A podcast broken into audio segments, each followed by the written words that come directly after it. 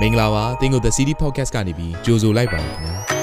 ယနေ့ Sermon Series မှာတော့ဆရာစောတီဟာကနေပြီးနှုတ်ဘတ်တော်ကိုငါမှာဖြစ်ပါတယ်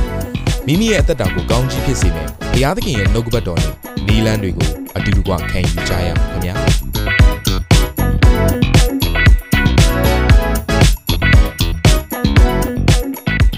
ဘုရားခင်တကယ်ပဲကောင်းမြတ်ပါတယ်เนาะအခြေအနေတိုင်းမှာကျွန်တော်တို့အခြေအနေတွေကတော့မတူဘူးပေါ့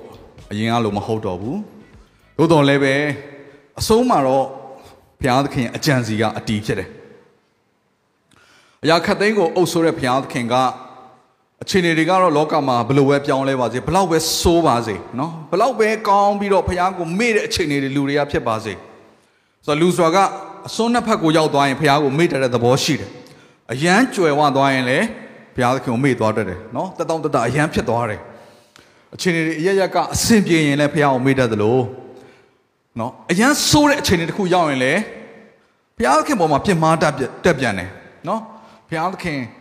ရှိရောရှိသေးရဲ့လားဒီလိုပုံစံမျိုးဆိုတော့ဒီနေ့အားလုံးကိုနားလေစေခြင်းတဲ့အချက်ကတော့ဘလောက်ပဲဆိုးတဲ့အခြေအနေတွေဖြစ်ပါစေဘလောက်ပဲကောင်းတဲ့အခြေအနေတွေဖြစ်ပါစေထို့ဘုရားသခင်ကတော့အစဉ်အမြဲတကိုးကြည့်သောဘုရားဖြစ်တယ်မပြောင်းလဲတဲ့ဘုရားဖြစ်တယ်သူရဲ့နော်ဂျေစုပြုခြင်းကအရောက်ရှိတိုင်းပေါ်မှာညီညစွာရှိတယ်နော်ကောင်းသောသူပေါ်မှာလည်းမိုးကိုရွာစေတယ် မကောင်းသောသူပေါ်မှာလည်းမိုးကိုရွာစေတယ်ဆိုတော့ထိုဘုရားရဲ့ဖြောင့်မတ်ခြင်းကနော်ထိုဘုရားရဲ့အာသူ့ရဲ့တန်ရှင်ခြင်းနဲ့သူ့ရဲ့ဘုံတော်သူ့ရဲ့အုပ်ဆိုးခြင်းဆိုတာကအချိန်တွေပေါ်မှာမမူတည်ဘဲနဲ့အစင်မြဲရှိတယ်ဒါကြောင့်ကျွန်တော်တို့ကဘုရားကိုချီးမွမ်းတဲ့ခါမှာဘုရားကိုချင့်ကပ်တဲ့ခါမှာကိုယ့်ရဲ့အခြေအနေအပေါ်မှာမူတည်ပြီးတော့စိတ်ခံစားခြင်းနဲ့သွားရတာမဟုတ်ဘဲနဲ့ထိုဘုရားသခင်ရဲ့ဖြစ်ခြင်းကိုကျွန်တော်တို့ကအရင်ဆုံးယုံကြည်ဆွဲလန်းရမယ်သိမှတ်ပြီးတော့မှ အဲ့ဘုရားဟာဒီအခြေအနေမှာပဲငါ့ကိုရွေးနှုတ်နိုင်မှာလား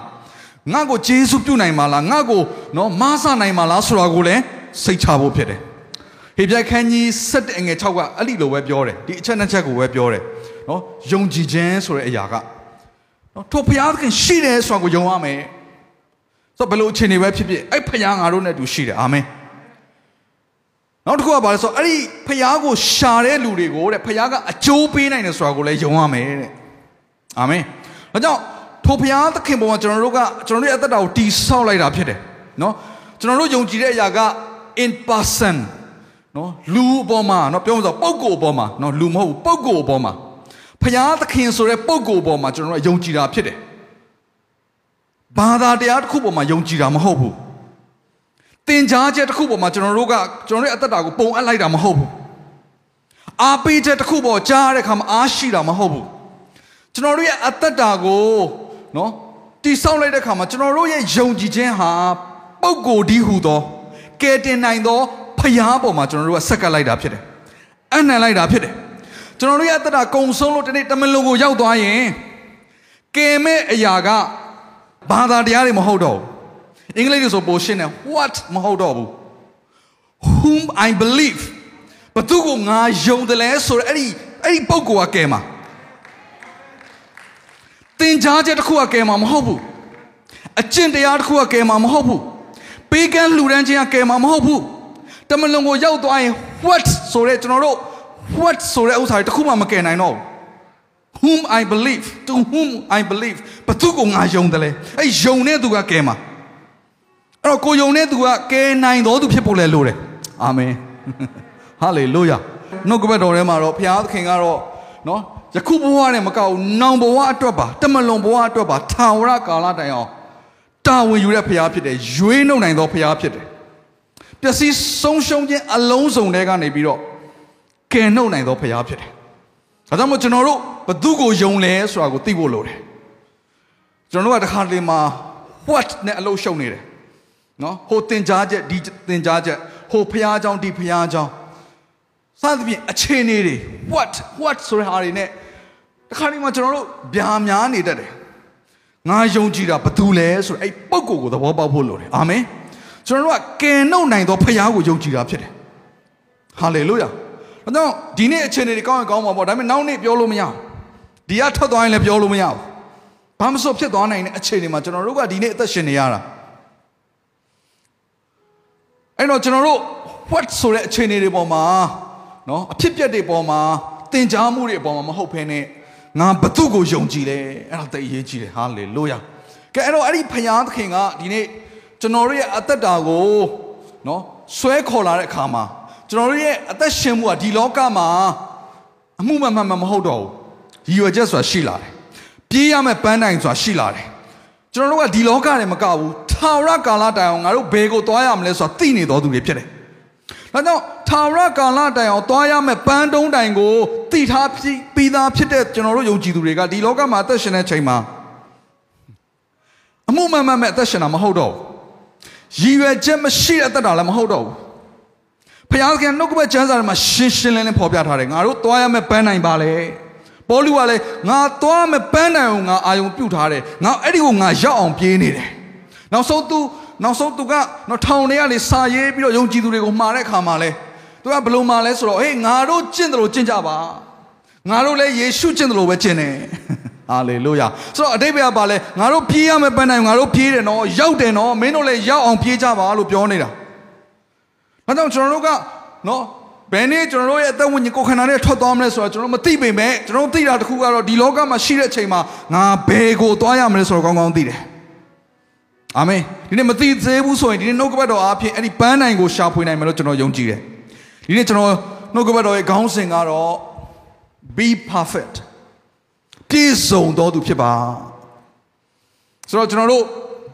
ဒီလောကမှာကြားရတဲ့ကျွန်တော်တို့ပြောလို့ရှိတဲ့စကားပါလဲဆိုတော့ဒီလောကမှာပြည့်စုံတဲ့လူတယောက်မှမရှိဘူးမောင်ပြည့်စုံတော့ရှိတယ်ဆရာပြည့်စုံဆိုတာလည်းရှိတယ်ဒါပေမဲ့ကျွန်တော်တို့ဘယ်လိုပြောလဲ အဲ့ဒီပြည့်စုံလို့နာမည်မဲ့ထားတဲ့လူအောင်မှမပြည့်စုံဘူးအဲအဲ့လိုပြောလို့ရှိတယ်ဆိုတော့ဒါကတော့ကျွန်တော်တို့ဒီလောကမှာနေတဲ့အခါမှာလူသားဆိုတော့ပျက်စီးတတ်တယ်အဲเนาะကျွန်တော်တို့ဟာအားနည်းချက်တွေရှိတယ်ဆိုတာကိုကျွန်တော်တို့ယုံကြည်သူများပင်လေကျွန်တော်အမှုတော်ဆောင်များပင်လေပြောလေပြောထားရှိတယ်ဒါပေမဲ့ကျမ်းစာမှာကြတော့အဲ့လိုမပြောဘူးအဲ့တော့ကျွန်တော်တို့ရဲ့အသက်ရှင်မှုကိုနှုတ်ကပတ်တော်တိုင်းသွားရအောင်အာမင်နှုတ်ကပတ်တော်ထဲမှာကြတော့ be perfect စုံလင်တော်သူဖြစ်ပါ ဒီလောကမှာကတော့စုံလင်တော်သူဆိုတာတယောက်မှမရှိဘူးတဲ့။ဘာကြောင့်မရှိဘူးလို့ပြောရလဲ။ဆိုတော့လူဆိုတာကသူ့အနေနဲ့သူ standard တစ်ခုသတ်မှတ်တာ哦။စပိန်စီးရတဲ့လူကဆိုင်ကယ်စီးရတဲ့လူဩပြည့်စုံတဲ့သူပဲလို့စဉ်းစားလေးရှိတယ်။ကားစီးရတဲ့လူဆိုဩသူကတော်တော်ပြည့်စုံတာပဲ။တခါအသားရည်နဲ့လည်းတချို့ကခွဲကြတယ်။ရုပ်ချောမချောနဲ့လည်းခွဲကြတယ်။ဟာယုံလေးကချောပြီးတော့ ငွေကြေးလေးကနည်းနည်းရှိမယ်ဆိုရင်ဟာပြည့်စုံလိုက်တာသူ့ဘဝလေးအကြည့်ပါဦးငါကြတော့အသားလေးကမဲနေတယ်သူကတော့သူ့မိသားစုတွေနဲ့ကြည်စမ်းစုံလဲနေစရာအိမ်ကောင်းကောင်းရှိတယ်စီးစရာလည်းကအကောင်းစားရှိတယ်ကြည့်ပါဦးငါကတော့အခုဘတ်စကားနဲ့သွားနေရတယ်အဲ့တော့ငါကမပြည့်စုံဘူးသူကတော့ပြည့်စုံတယ်ဒါပေမဲ့ကျွန်တော်တို့ပြည့်စုံတယ်လို့ထင်တဲ့အဲ့ဒီမိသားစုကလည်းနောက်ထပ်မိသားစုတစ်ခုကိုသူကလှမ်းကြည့်နေတာ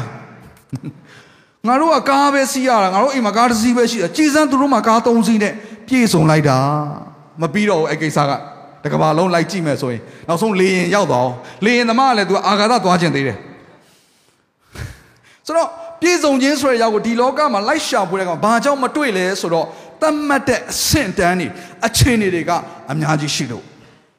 ဒါမှကျမ်းစာထဲမှာကျတော့အဲ့လိုမရေးဘူးအဲ့လိုမရေးဘူး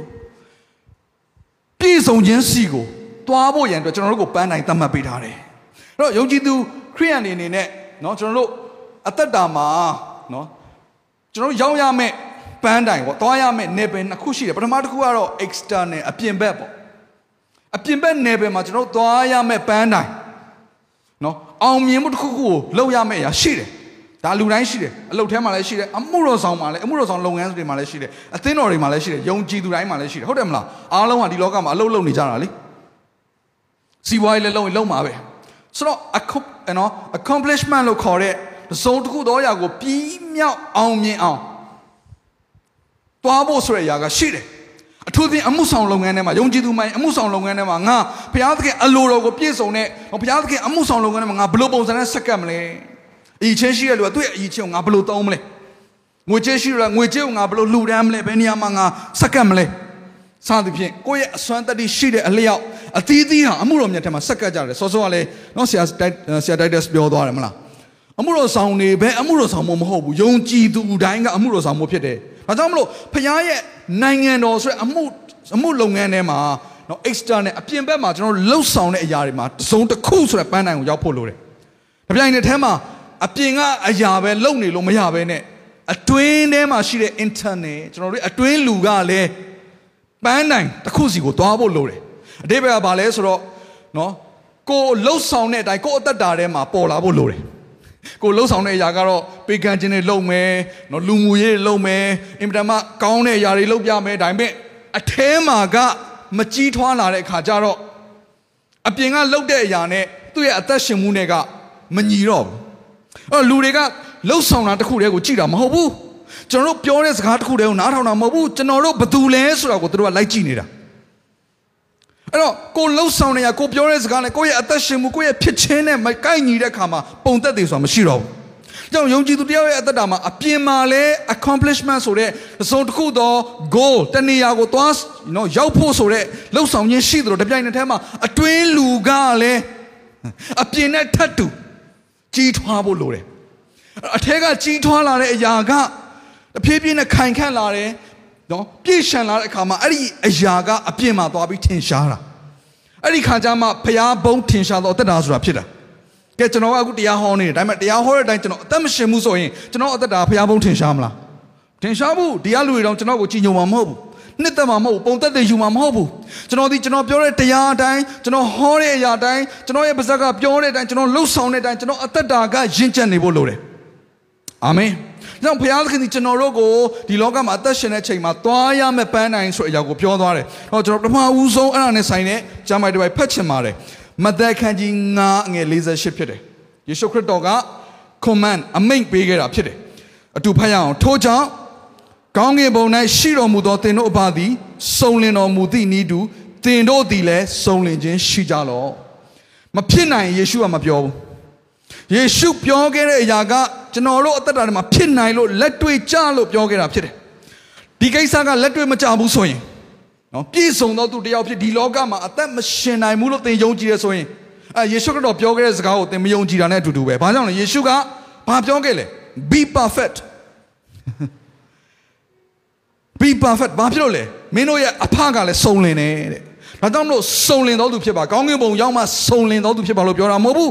မြေကြီးမှာနေတဲ့အချိန်မှာပင်စုံလင်တော်သူတွေဖြစ်ပါဆိုတော့ဒီຢာကဓမ္မသစ်ရောက်မှယေရှုကပြောတာမဟုတ်ဘဲနဲ့ဓမ္မဟောင်းမှာကတည်းကဖခင်ကဘသူ့ကိုပြောလဲဆိုတော့အာဗြဟံကိုပြောတယ်ကပ္ပဦးကျမ်းခန်းကြီး16ငွေ1မှာထို့နောက်အတူတူကဖတ်မှကျမ်းစာကိုအာဗြဟံသည်အသက်69နှစ်ရှိသောအခါထာဝရဘုရားသည်အာဗြဟံ ထင်ရှားတော်မူ၍ငါသည်အနန္တတကုရှင်ဘုရားသခင်ဖြစ်ငါရှေ့မှာတွာလာ၍စုံလင်ခြင်းရှိလောအမိတ်မယ်ဒီမှာကျွန်တော်အင်္ဂလိပ်လို့ဆိုဘယ်လိုရေးလဲဆို be blameless အပြစ်တင်ခွင့်တစ်ခုမှမရှိတဲ့အသက်တာနဲ့မင်းအသက်ရှင်စမ်းပါတဲ့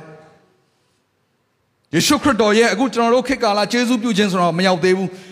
အာဗြဟံကသူ့နာမည်အာဗြဟံအောင်မဖြစ်သေးဘူးအာဗြဟံပဲဖြစ်သေးတယ်သူတော်မှမစုံလင်သေးဘူး လှည့်စားတဲ့ပုံစံမျိုးเนาะသူ့ရဲ့အမျိုးသမီးကို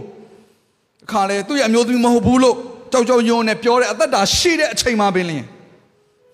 သူ့ဘဝမှာဘာမှဘုရားခင်နှစ်သက်လောက်တဲ့အရာကိုလုတ်ပြနိုင်ခြင်းဆိုရမရှိတဲ့အချိန်เนาะမရှိသေးတဲ့အချိန်မှပင်လင်းဘုရားကဘာပြောလဲ be blameless အပြစ်တင်ခွင့်နဲ့ကင်းသောအသက်တာနဲ့ငါရှေ့မှာသွားလာပါ ဒီနေ့ကဘာဦးကလေးကအာဗြဟံလိုလူမျိုးကိုတော့မှဖခင်ကစပြီးပြောပြီးတော့ဒါပေမဲ့တစ်ရောက်လာတဲ့ခါမှာယေရှုကိုယ်တိုင်က hey be perfect လို့ပြောပြီးဆိုရင်ကျွန်တော်တို့မှရွေးချယ်စရာလမ်းမရှိတော့ဘူးအဲ့ဒါဒီကျွန်တော်တို့သွားမယ်ပန်းနိုင်မယ်အာမင်အဲ့တော့ကျွန်တော်တို့ကအရန်အသားကျနေဒီလောကမှာရှိတဲ့အတွေးခေါ်တွေနဲ့ငါတို့ကအသွေးသားနဲ့ရှိတဲ့လူတွေဆိုတော့ဘလို့မှ perfect မဖြစ်နိုင်ဘူး perfect မဖြစ်နိုင်ဘူးဆိုတော့ခေါင်းထဲကဒီနေ့ထုတ်ပလိုက်ပါအဲ့ဒီအဲ့ဒီအဲ့ဒီမေခွန်းကိုနော်စုံလင်သောသူတယောက်ဖြစ်ဒီလောကမှာအသက်ရှင်နိုင်သလားကျမ်းစာအရအသက်ရှင်နိုင်တယ် ဒီနေ့အဲ့ဒီနီးလန်းတွေကိုကျွန်တော်တို့လေ့လာမှာဖြစ်တယ်ဟာလေလုယာအဲ့တော့ကျွန်တော်ဆက်ဝိုင်းလေးချိုပြခြင်းတယ်ကျွန်တော်တို့ရဲ့အသက်တာဟာထိုဆက်ဝိုင်းနေကဲ့သို့ဖြစ်တယ်โอเคအဲ့တော့ဆက်ဝိုင်းလို့ပြောပြီးဆိုရင်သူ့မှာအဖုထစ်မရှိတော့ဘူးဒေါင်းနေမရှိတော့ဘူးเนาะဒါဆက်ဝိုင်းနဲ့ပုံနှိုင်းရတဲ့အကြောင်းရင်းကတော့ perfect ဖြစ်တဲ့အသက်တာပေါ့အဲ့တော့ perfect ဖြစ်တဲ့အခါမှာတချို့ကကိုယ့်ထက်ပိုပြီးတော့စိတ်ရှည်နိုင်တယ် ကိုယ့်ထက်ပိုပြီးတော့ဂျေဇုပြုနိုင်ကိုယ့်ထက်ပိုပြီးတော့ဖခင်နဲ့တူတဲ့သူဖြစ်တယ်ဆိုအဲ့လိုလူတွေကတော့ကိုယ့်ထက်ပိုကြီးတဲ့ဆက်ဝိုင်းဖြစ်မှာပေါ့နော်အယောင်တွေလည်းမတူကြဘူးအသားအယောင်တွေမတူဘူးအတွေးခေါ်တွေမတူဘူးထွက်လာခဲ့တဲ့ background တွေမတူဘူးနေတဲ့နိုင်ငံတွေမတူဘူးပြောတဲ့စကားတွေမတူဘူးကျွန်တော်တို့ရဲ့အသက်တာမှာစိတ်ရှည်နိုင်မှုစသဖြင့်ပေါ့ဘုရားသခင်နှစ်သက်တဲ့အရာတွေမှာလည်းသူ့ဟာလည်းတူမတူဒါပေမဲ့ဘုရားသခင်ရဲ့အမြင်မှာကြတော့သူ့အတိုင်းတာနဲ့သူ သူ့အတိုင်းတာနဲ့သူသင်ဟာစဝိုင်းအကြီးကြီးဟုတ်ချင်မှဟုတ်လိမ့်မယ်ဆရာမစူဇန်လောက်နော်စဝိုင်းကြီးချင်မှကြီးလိမ့်မယ်တခါကျတော့ကိုကကိုထက်နော်ကိုလေးစားတယ်ကိုအားကြရတဲ့လူဒီလူတွေကိုလှမ်းကြည့်ပြီးတော့ငါကတော့ဘယ်လိုမှမပြည့်စုံနိုင်ပါဘူးလို့အမြဲတမ်းထင်သွားတတ်လို့ကျွန်တော်ဒီ example လေးကိုပြတာဖြစ်တယ်ချို့သောသူတွေဟာစဝိုင်းသေးသေးလေးတွေဖြစ်နိုင်တယ်။ အဲဘုရားသခင်အမြင်မှာကြတော့ဗာလဲ तू ဟာစုံလင်ခြင်းစီကိုတက်လန်းလာတဲ့သူ။ဆိုတော့ဘာနဲ့တူလဲဆိုတော့နော်စဝိုင်းအကြီးကြီးထဲမှာဘုရားသခင်တော့အဲ့စဝိုင်းအကြီးကြီးပေါ့။နောက်ထပ်ပုံလုံးပြပါအောင်။စဝိုင်းအကြီးကြီးပေါ့။ဒါတော့ဘုရားသခင်ကစုံလင်တော်သူဖြစ်တယ်။ကျွန်တော်တို့ရဲ့ကောင်းကင်ဖာသည်စုံလင်တော်သူဖြစ်တယ်။ဒါပေမဲ့ကျွန်တော်တို့အဲ့ဒီစုံလင်ခြင်းဆိုတဲ့အကြီးကြီးထဲမှာကျွန်တော်တို့ကတရပြီးတရက်အဖြစ်ဖြစ်နဲ့ဘုရားသခင်နဲ့တူတူလာတယ်။ဟာလေလုယာ။အာမင်။တရားပြီးတရားအဲ့ဆက်ဝိုင်းကတဖြည်းဖြည်းနဲ့ကြီးကြီးလာတယ်ပေါ့ နောက်ဆုံးမှာဘယ်သူနဲ့တူတယ်ယေရှုနဲ့တူတယ်ဟာလေလုယာကိုနဲ့စကားပြောတဲ့ခါမှာယေရှုနဲ့စကားပြောလိုက်ရတယ်လို့ပဲဟာလေလုယာကိုနဲ့တွေ့တဲ့ခါမှာလူတွေကချမ်းမာသွားတယ်လွတ်မြောက်သွားတယ်အာမင်ယေရှုကိုယသွားတယ်ဝမ်းမြောက်ခြင်းကိုခံစားရတယ်။အိုယေရှုကိုမြင်တယ်လို့ပါပဲလား။ဒါကြောင့်မလို့ခရစ်ယာန်ဆိုစကားလုံးအဲ့ဒီကပေါ်လာတာပဲလေ။ခရစ်တော်တည်တည်လေးတွေဒါပဲတပည့်တော်တွေကိုကြည့်တဲ့အခါမှာရှေးဦးခရစ်ယာန်တွေဖြစ်တဲ့တပည့်တော်တွေကိုကြည့်တဲ့အခါမှာလူတွေကဘယ်လိုပဲသတ်မှတ်လဲ ဟာခရစ်တော်နဲ့တူလိုက်တာယေရှုနဲ့တူလိုက်တာဒါယေရှုရဲ့တပည့်တွေဖြစ်လိမ့်မယ်ယေရှုရဲ့နောက်လိုက်တွေဖြစ်လိမ့်မယ်ဘာကြောင့်လဲသူတို့ကိုကြည့်ရင်ယေရှုကိုတော်တော်မြင်နေရတာတူနေတာဒါပေမဲ့သူတို့ယေရှုလားဆိုတော့မဟုတ်ဘူးယေရှုလိုပြည့်စုံလားမပြည့်စုံပါဘူးဖခင်သခင်ကတော့အပြည့်စုံဆုံးပဲဒါပေမဲ့ကျွန်တော်တို့အဲ့ဖခင်သခင်ပြည့်စုံခြင်းနဲ့မှာတရပိတရကြီးထွားနေတဲ့နော်စဝိုင်းလေးတွေဖြစ်တယ်ဟာလေလုယာအာမင်အခုလိုမျိုးချိန်ကာလမှာစားရင်တောက်ရင်နဲ့ကိုခန္ဓာကတော့ပို့ပြီးတော့စဝိုင်းလိုဖြစ်ဖြစ်လာတယ်။ အော်ကျွန်တော်တို့အတွင်းလူကလည်းစဝိုင်းလိုဖြစ်ဖို့လိုတယ်။အာမင်။အဖို့ထင်မရှိတော့ဘူး။ဒေါင်ဂျိုးတွေမရှိတော့ဟာလေလုယာ။တကယ်ကို perfection ။အာမင်။ဒါကြောင့်မို့ကျွန်တော်တို့မဖြစ်နိုင်ဘူးဆိုအရာကိုခေါင်းထဲကဒီနေ့ထုတ်ပါ။ယေရှုကပြောပြီးဆိုမှတော့ဖြစ်ကိုဖြစ်နိုင်လို့သူဂျေဇုပြုမှာမို့လို့ကျွန်တော်တို့ကိုပြောနေတာဖြစ်တယ်။ဒါကြောင့်ကျွန်တော်တို့ကအဲ့ဒီအရာကိုယုံကြည်ခြင်းနဲ့အရှိကိုတက်လှမ်းဖို့လိုတယ်။နောက်ထပ်ဥပမာလေးတစ်ခုလည်းကျွန်တော်ပြောခြင်းတယ်။ပန်းသီးလေးတွေနော် ပြောင်းပန်းသီးတစ်လုံးနဲ့တစ်လုံးမတူဘူးနော်အပင်ပုံမူတည်ပြီးတော့ကွဲလာမယ်အယောင်လဲကွဲမယ်ဒါပေမဲ့ဒီပန်းသီးဆိုတဲ့ဒီစားလို့ရတဲ့အရွယ်ရောက်တဲ့ပန်းသီးဖြစ်လာဖို့ရန်အတွက်ဘယ်ကစတာလဲပန်းသီးတသေးလေးကစတာပန်းသီးတသေးလေးကိုကြည့်မင်းပန်းသီးမဟုတ်ဘူးလို့ပြောလို့ရလားမရဘူးဒါပေမဲ့ပန်းသီးလေးကတဖြည်းဖြည်းနဲ့ကြီးထွားလာရင်နောက်ဆုံးမှာ full grown ပေါ့နော်ပြည့်စုံတဲ့အရွယ် စားလို့ရတဲ့အရွယ်ရောင်းလို့ရတဲ့အရွယ်ရောက်လာတဲ့ခါကျမှစွတ်ခိုးပြီးတော့စားကြတယ်မဟုတ်ဘူးလားဒါပေမဲ့အဲ့ဒီအရွယ်ကိုမရောက်ခင်မှာလဲပန်းသီးရပါပဲလဲပန်းသီးပဲဆိုတော့ကျွန်တော်တို့ရဲ့ပြည့်စုံခြင်းဆိုတာအဲ့လိုဖြစ်တယ်အာမင်တချို့ကတော့အခုမှစပြီးတော့သီးတဲ့အစိမ်းရောင်ပန်းသီးလေးတွေပေါ့ဒါပေမဲ့တနေ့ကျရင်စားလို့ရတဲ့မျိုးစေ့ကြပြီးတော့အပင်ထပ်ပေါအောင်မဲ့အသီးတွေဖြစ်လာအောင်ပါပဲဟာလေလုယာ အာမင်။ဒါမှဒီနေ့ကျွန်တော်တို့ဒီအသင်းတော်ကဘယ်ကိုသွားမလဲဆိုရင် perfection ကိုသွားရအောင်။ဒီမှာရှိတဲ့ယုံကြည်သူတွေဒီနှုတ်ကပတ်တရားစကားကိုကြားတော်သူတွေကျွန်တော်ဒီပန်းတိုင်လေးကိုအားလုံးကိုချပြခြင်းတယ်။အရင်တော့ကျွန်တော်ဘာအကြောင်းသင်လဲဆို Journey of Israel ကိုသင်တယ်။ငါတို့ယုံကြည်သူတွေသွားမယ်ခရီးပန်းတိုင်ဆိုတော့အဲ့ဒီမှာနောက်ဆုံးခရီးပန်းတိုင်ဘယ်မှာလမ်းဆုံးလဲဆိုတော့ဂတိတော်ထားရခါနန်ပြည်မှာလမ်းဆုံးတယ်အားလုံးသိပါတယ်နော်။ ခါနန်ပြည်ဂတိတော်ထားရ promise land ဆိုတာကကျွန်တော်တို့အတွက်သွားရမယ့်နေရာဒါပေမဲ့ယုံကြည်သူခရိယန်အသက်တာဘယ်မှာလဲ promise land Israel သွားရမှာလားအဲ့လိုဖြစ်သွားတယ် promise land Israel မှာရှိတယ်ဆိုတော့ဟာငါတို့နော်ဂျူးလူမျိုးတွေနေတဲ့ Israel ကိုငါတို့တော်တော်လဲရမှာလားအဲ့လိုမဟုတ်ဘူးအချို့ကလည်းမြန်မာနိုင်ငံကနေခြာအင်တမကောင်းမွန်တဲ့နိုင်ငံရောက်သွားတော့ငါတို့ promise land ရောက်ပြီလို့ပြောတဲ့လူတွေရှိတယ်ဒီနေ့နှုတ်ကပတ်ချမ်းစာထဲမှာကျွန်တော်ယုံကြည်သူများအတွက် promise land က be perfect ဟာလေလုယာဘီပါဖက်လို့ပြောပြီးဆိုရင်ယေရှုခရစ်တော်ကိုပြောတာဘာကြောင့်လဲယေရှုခရစ်တော်ဟာစုံလင်တော်သူဖြစ်တယ်ဒီအသွေးသားကိုခန္ဓာနဲ့ပဲအသက်ရှင်ပြီးတော့စုံလင်တော်သူဖြစ်တယ်အပြစ်တင်ခွင့်နဲ့ကင်းလွတ်တော်သူဖြစ်တယ်အာမင် blameless hallelujah no fault ဘာအပြစ်မှသူ့မှာရှာလို့မရဘူး pure တန်ရှင်းတယ်ဖြောင့်မတ်တယ်ဖြူစင်တယ်အာမင်ဒါမလို့ထိုဘုရားတန်ရှင်းတော်မူသည့်ဤသူကျွန်တော်တို့တန်ရှင်းဖို့ဘုရားသခင်လိုရှိတယ် ထိုဘုရားသခင်စုံလင်တဲ့ဤသူကျွန်တော်တို့စုံလင်ဖို့ဘုရားလိုရှိတယ်ကျွန်တော်တို့ရဲ့အသက်တာသည်တရပိတရဘုရားသခင်နဲ့တူဖို့ဖြစ်တယ်အာမင်ဒီနေ့ကျွန်တော်စံစာတွေအများကြီးဖတ်ဖို့ရှိတယ်เนาะတချို့ဟာတွေကိုတော့ကျွန်တော်ကြော်မယ်ဘာကြောင့်လဲဆိုတော့အိပ်ပျော်သွားမှာဆိုလို့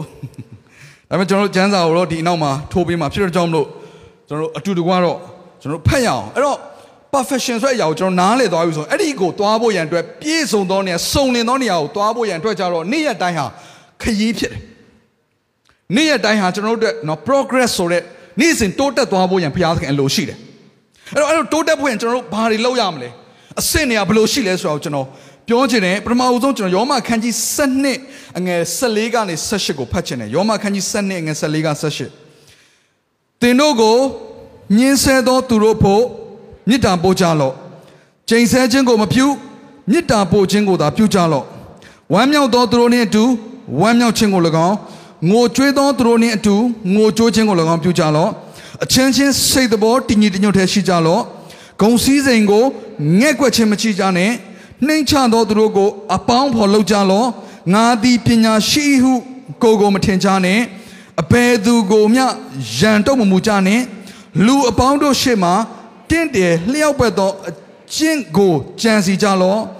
သင်တို့သည်တတ်နိုင်သမျှအတိုင်းလူပေါင်းတို့နှင့်အသင်အတင့်နေကြလော့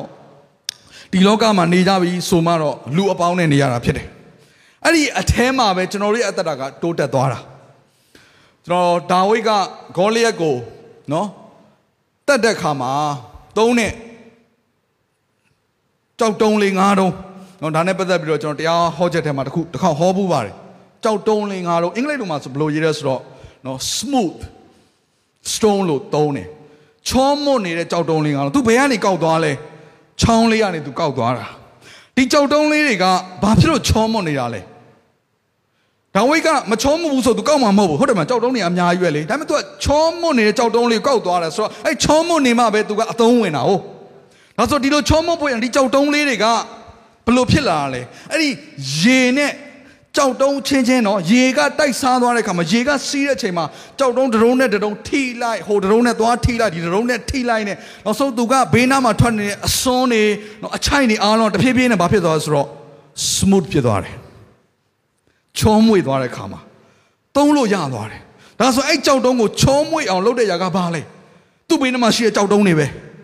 ဟိုလူနဲ့ထိလိုက်မခံချင်ဘူးဒါပေမဲ့အာကြိတ်မိတ်ခံရတယ်ခါ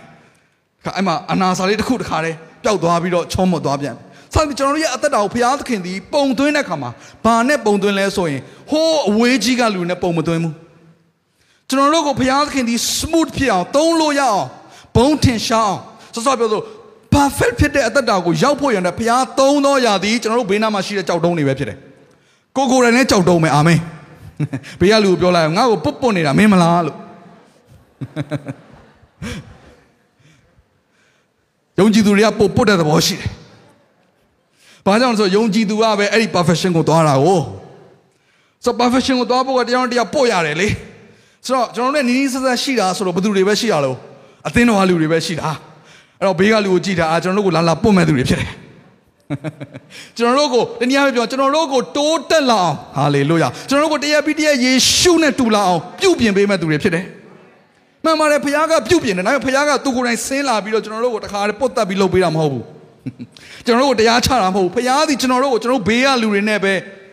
တုံတင်သွားတာဖြစ်တယ်။ကြောင့်အချင်းချင်းပေါင်းဖော်တတ်ဖို့အရန်ရေးကြည့်တယ်။အချင်းချင်းလက်ခံတတ်ဖို့လည်းအရန်ရေးကြည့်တယ်။အာမင်။ကဲအဲ့တော့ဖိလိပ္ပိ3:10ကနေ15ကိုလည်းကျွန်တော်ဖတ်ချင်တယ်။အဲ့တော့ယေရှုပြုပြီးတော့ဒီစခရင်မှာထိုးပေးပါ။အဲ့တော့အတူတူကကျွန်တော်အတူတူကဖတ်ရအောင်ဖိလိပ္ပိ3:10ကနေ15ဒါပေါလုပြောတဲ့နော်ပန်းနိုင်ကိုပြေးတဲ့အရာ။ကဲ ဒီနှစ်သုံးထိုများမကငါဤသခင်ယေရှုခရစ်ကိုတည်သောပညာသည်အဘယ်မျှလောက်မြတ်သည်ကိုထောက်၍ခတ်သိမ်းသောအရာတို့ကို ရှုံးစေသောအရာကဲ့သို့ငါထင်မှတ်၏ထိုသခင်ကြောင့်ခတ်သိမ်းသောအရာတို့ကို ရှုံးခံရပြီတေခြင်းမှထမြောက်သောအခွင့်ကိုငါရနိုင်ကောင်းလင်ကိုတော်သည်အသေးခံတော်မူသည့်ဤသူငါသည်လည်းအသေးခံ၍ထိုသခင်ကို၎င်းတကိုးကို၎င်း စင်ရဲခံတော်မူခြင်းကိုဆက်ဆံ၍ခံခြင်းကို၎င်းတည်ကျွမ်းခြင်းကပညာတရားအဖြစ်ရသောကိုဖြောင့်မတ်ခြင်းကိုမကိုးစားဘဲခရစ်တော်ကိုယုံကြည်ခြင်းအဖြစ်ရသောဖြောင့်မတ်ခြင်းတည်းဟုသောယုံကြည်ခြင်းအတွက်ကြောင့်ဘုရားသခင်ပေးတော်မူသောဖြောင့်မတ်ခြင်းကိုကိုးစားသဖြင့်ခရစ်တော်ကိုအမျက်ရ၍ထိုသခင်၌တည်ပါမည်အကြောင်းခတ်သိမ်းသောအရာတို့ကိုမစင်ကဲ့သို့ငါထင်မှတ်၏ ထိုတို့ဆိုသောအကျိုးကိုခံရပြီးစုံလင်ခြင်းသို့ရောက်ရပြီဟုငါမဆိုလိုအကျင့်အကျိုးကိုပေးခြင်းကခရစ်တော်သည်ငါ့ကိုကင်ဖမ်းတော်မူ၏ထိုအကျိုးကိုကင်မိခြင်းကငါပြေး၍လိုက်သေး၏ညီကိုတို့ငါကင်မိပြီဟုကိုကိုကိုမထင်တော်လဲငါပြုသောအမှုတစ်ခုဟုမူကားနောက်ကျသောအရာတို့ကိုမမှတ်ဘဲရှေ့၌ရှိသောအရာတို့ကိုလှန်ကန်၍ယေရှုခရစ်အားဖြင့်ဘုရားသခင်သည်အထက်ရမှ ခေါ်တော်မူခြင်းနှင့်ဆိုင်သောစုကိုရခြင်းကပန်းတုံးနိုင်သို့ငါလိုက်ပြေ၏ထို့ကြောင့်စုံလင်သောသူရှိသမျှတို့သည်ဤသို့သောသဘောကိုဆွဲလန်းရကြမည်သင်တို့သည်ဇုံတစ်ခုသောအရာ၌သဘောချနာလျင်ထိုအရာကိုပင်ဘုရားသခင်ဖော်ပြတော်မူလိမ့်မည်။ဆိုပေါလုကဒီထဲမှာပြောထားတယ်ငါစုံလင်ခြင်းကိုရောက်တယ်လို့ဆိုလိုတာမဟုတ်ဘူးနော်တဲ့။ဒါပေမဲ့အဲ့ဒီအကျိုးကိုရဖို့ယေရှုခရစ်တော်ကလည်းသူ့ကိုဖန်ကင်ထားတယ်တဲ့။ ငါကလည်းအဲ့ဒီအကျိုးကိုလိုချင်လို့ဟိုအနောက်မှာကြံခဲ့တဲ့ຢာတွေကိုလုံးဝမမှတ်ပဲနဲ့အရှိမဖျားပေးမဲ့ຢာကိုငါမျောလင့်ပြီးတော့အဲ့ပန်းတိုင်ကိုငါအရောက်ပြေးတယ်တဲ့။အဲ့ဒါကျွန်တော်တို့အသက်ရှင်ရမယ့်ပုံစံဖြစ်တယ်။အာမင်။ကျွန်တော်တို့နောက်ကိုပြန်လှည့်ကြည့်လိုက်ရင်အများကြီးပဲစိတ်ပြက်စရာဝမ်းနည်းစရာအရှိကိုမဆက်ချင်တော့အောင်ဖြစ်တယ်။ဒါပေမဲ့လေဘုရားသခင်ကျွန်တော်တို့ကင်ထားတော့မယ်။ဟာလေလုယာ။ကျွန်တော်တို့ကလည်းအဲ့ဒီအကျိုးကိုလိုချင်တယ်။ဘာအကျိုးလဲ။ယေရှုနဲ့တူတယ်။အာမင်။ အဲ့ဒီစုံလင်ခြင်းဆိုတဲ့နေရာကိုရောက်အဲ့ဒီပန်းတိုင်ကိုဟိုပေါလုပြောနေကြအဲ့ဒီပန်းတိုင်ကိုပြောနေတာအဲ့ဒီစုံလင်ခြင်းကိုပြောနေတာငါအဲ့ဒီအကျိုးကိုရဖို့ရန်အတွက်ငါကလည်းဖျားကိုငါကင်ထားတယ်ဟိုကြံတဲ့ຢာအားလုံးငါမစင်လို့ငါမှတ်တယ်ကြံတဲ့ຢာတွေကိုငါဘာပဲမလုပ်ရသည်ဖြစ်စေငါကိုလူတွေကမကြိုက်သည်ဖြစ်စေအဲ့ຢာတွေအားလုံးငါဂယုမဆိုင်ဘူးတဲ့ရှုံးစေတဲ့ຢာကဲဆိုငါမှတ်တယ်ဆိုတော့ပေါလုရဲ့ဘဝအသက်တာထဲမှာ तू အမြဲတမ်းဆွဲလန်းပြီးတော့သွားဖို့စဉ်းစားနေတဲ့ຢာကဘာလဲ စုံလင်ခြင်းစီတို့စုံလင်ခြင်းစီတို့ယေရှုပြောခဲ့တဲ့အရာပဲစုံလင်ခြင်းစီတို့ယေရှုခရစ်တော်နဲ့တူဖို့အဲ့ကြီးရင်ချင်းပမာဏစီကိုရောက်လာဖို့ရန်အတွက်ဟာလေလုယာအပြစ်တင်ခွင့်နဲ့ကင်းသောအသင်းတော်အသရေတင်တဲ့သောအသင်းတော်တန်ရှင်တော်သူတို့သမီးအစင်းသင်းရှိတော့ဒါဟိုပဲပြောနေတာဒါကြောင့်ဒီယုံကြည်သူများပြေးရမယ်ပန်းနိုင်ပါလေ perfection ပြောကြည့်ပါဦး perfection ဘုရားလူကိုပြောပါစုံလင်တော်သူဖြစ်ပါလို့ဘုရားလူကိုပြောလိုက်ပါဦးအာမင်ကဲအဲ့တော့ ကျွန်တော်တို့ဒီနေ့လက်တွေ့ကြတဲ့အရာကိုဘုရားသခင်ပြောခဲ့တဲ့ကြောင့်မလို့ဒီနေ့ထိုလက်တွေ့ကြသောရင့်ကျက်ခြင်းစီတို့စုံလင်ခြင်းစီတို့အဆင့်9ဆင့်ကိုကျွန်တော်တို့စပြီးတော့လေ့လာကြအောင်ပထမဦးဆုံးဂျမ်းမိုင်တစ်ပိုက်ဖတ်ချင်ပါတယ်နှစ်ပေခန်းကြီး1အငယ်၄ကနေခွန်ဖြစ်တယ်နှစ်ပေခန်းကြီး1အငယ်၄ကနေခွန်ဟာကျွန်တော်တို့ရှောက်ရမယ့်လက်တွေ့လှုပ်ဆောင်ခြင်းအပြင်စုံလင်ခြင်းစီကိုတွားရမယ့်နေရာဖြစ်ပါတယ်ကဲကျမ်းစာကိုဖတ်ရအောင်ထို့သောသောအဖြစ်လည်း အလွန်ကြီးမြတ်၍အဖိုးထိုက်သောဂရိများကိုငါတို့၌အပ်ပေးတော်မူပြီးအကြောင်းမူကားထိုဂရိတော်များကိုအမိပြု၍သင်တို့သည် လောကီတတ်မှတ်ခြင်းအညစ်အကြေးနှင့်ကင်းလွတ်သဖြင့်ဖျားပဂတိကိုဆက်ဆံရသောသူဖြစ်မိအကြောင်းဒီထိုတို့လုံငါသင်တို့သည်ယုံကြည်ခြင်း၌သီလကို၎င်းသီလ၌ပညာကို၎င်းပညာ၌ကာမဂုဏ်ချုပ်တီးခြင်းကို၎င်းကာမဂုဏ်ချုပ်တီးခြင်း၌သီးခံခြင်းကို၎င်းသီးခံခြင်း၌ဖျားဝတ်ကိုပြု၍မွေ့လျော်ခြင်းကို၎င်း ထိုမွေ့လျော်ခြင်း၌ညီကိုစုံမက်ခြင်းကို၎င်းညီကိုစုံမက်ခြင်း၌ချစ်ချင်းမေတ္တာကို၎င်းအလွန်ကြိုးစားအားထုတ်၍ထက်ဆင်ကြလောဒီနေရာမှာဗာရေးထားဆိုဖျားပဂတိကိုဆက်ဆံတော်သူတဲ့ဘသူတွေကိုပြောနေရလဲကျွန်တော်တို့ယုံကြည်သူတွေကိုပြောနေတာ partaker လို့ခေါ်တယ်အင်္ဂလိပ်ဆို partaker အခုကျွန်တော်တို့အခုပွဲတော်ယူခဲ့တယ်အဲ့ဒါဘာလို့ partake လုပ်တာယေရှုခရစ်တော်ရဲ့အသွေးတော်နဲ့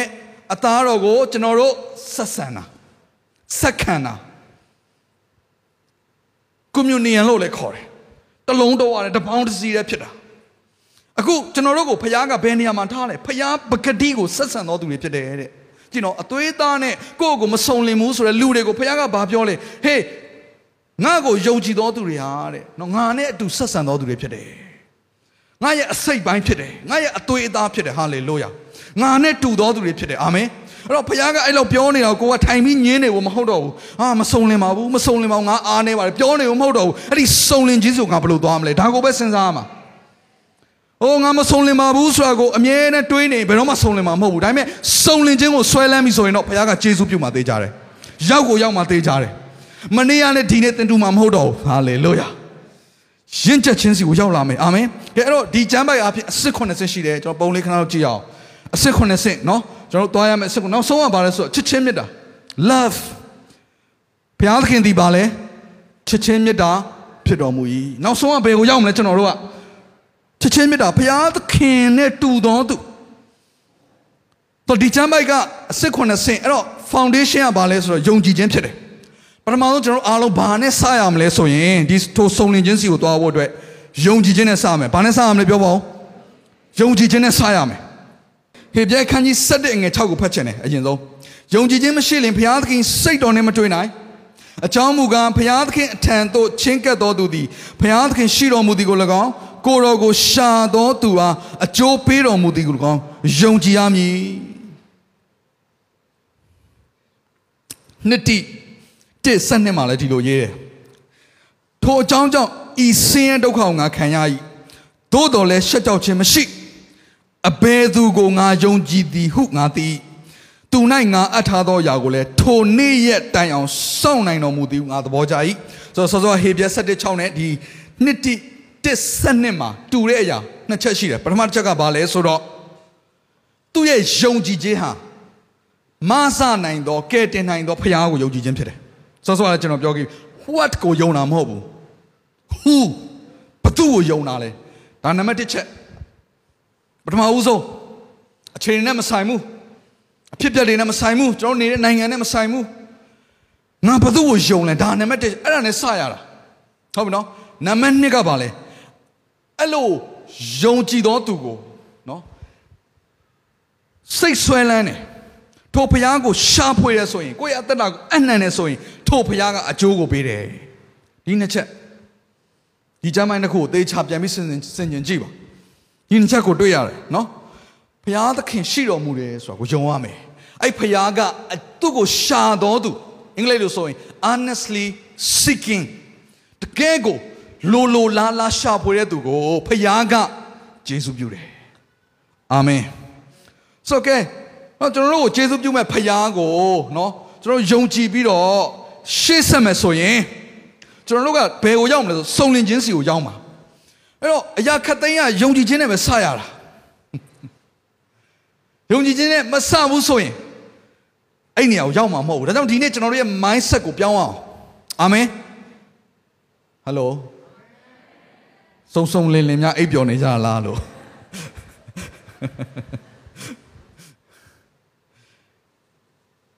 အာမင်ဟာဒီနှုတ်ကပတ်တော်ကကျွန်တော်တို့လည်းတော်တော်လေးခက်တဲ့ကိစ္စဖြစ်တယ်နော် ဟာဒီနှုတ်ကပတ်တော်ဟောပြီးဆိုကျွန်တော်ကငါစုံလင်တော်သူဖြစ်တယ်လို့ကြွေးကြော်တယ်အတူတူပဲလေဟုတ်တယ်မလားသင်တို့ဟာလည်းစုံလင်တော်သူလို့ပြောရုံနဲ့မကောက်ကိုယ့်ကိုစုံလင်တော်သူလို့ဝန်ခံလိုက်တာနဲ့အတူတူပဲစဝိုင်းတော့နည်းနည်းတော့သေးတာပေါ့နော်ဒါပေမဲ့ဘာပြောလဲငါငါစုံလင်တော့သူကြတယ်ဘာကြောင့်ငါအဖစုံလင်တယ်လို့ပဲငါလည်းစုံလင်တယ်ဒါကိုကိုကဝန်ခံလိုက်တာမလွယ်ဘူးလေဒီနှုတ်ကပတ်ကျမ်းစာကိုကိုယ်တိုင်ခံယူရလည်းမလွယ်ပါဘူးဒါပေမဲ့ဘာနဲ့စရလဲ ယုံကြည်ခြင်းနဲ့ငါဘသူ့ကိုယုံလဲဆိုတော့ငါသိတယ်အဲ့အဖေကစုံလင်ဟာလေလို့ရအဲ့အဖေရဲ့သားဖြစ်တဲ့ငါလည်းအဖေလိုဖြစ်ရမယ်ဒါကိုယုံကြည်ရတယ်အာမင်ပြီးတော့အဲ့ဒီယုံကြည်ခြင်းကိုရင်းစီကိုခြေလန်းလန်းတဲ့ခါမှာအဲ့ဖခင်ငါ့ကိုယေရှုပြုမယ်ဟာလေလို့ရအဲ့ဒါကိုလည်းယုံကြည်ပြီးတော့သွားရတာဖြစ်တယ်အာမင်အဲ့တော့ယုံကြည်ခြင်းနဲ့အစပြုပြီးပြီဆိုရင်အဲ့ယုံကြည်ခြင်းမှာနောက်ထပ် add on ကျွန်တော်စားသောက်ဆိုင်နေသွားရင်အဲ့ဒါအရန်သဘောကျတယ် add on ဆိုတာလေးထပ်ပြီးတော့ပေါင်းပေးလိုက်တာ အဲနော်ကိုစားနေရတဲ့ထပ်ပြီးတော့အပိုလေးလာချပေးတယ်အရန်သဘောကျတယ်အခုတော့ဝိညာဉ်ရေးရမှာဖခင်က add on လုပ်စေခြင်းနဲ့ထပ်ပြီးတော့ပေါင်းလိုက်ပါဦးတဲ့ဟေးယုံကြည်သူဆိုတာယုံကြည်ခြင်းတစ်ခုနဲ့သွားလို့မရဘူးတဲ့ယုံကြည်ခြင်းဟာအလုတ်မပါဘူးဆိုရင်သေပဲ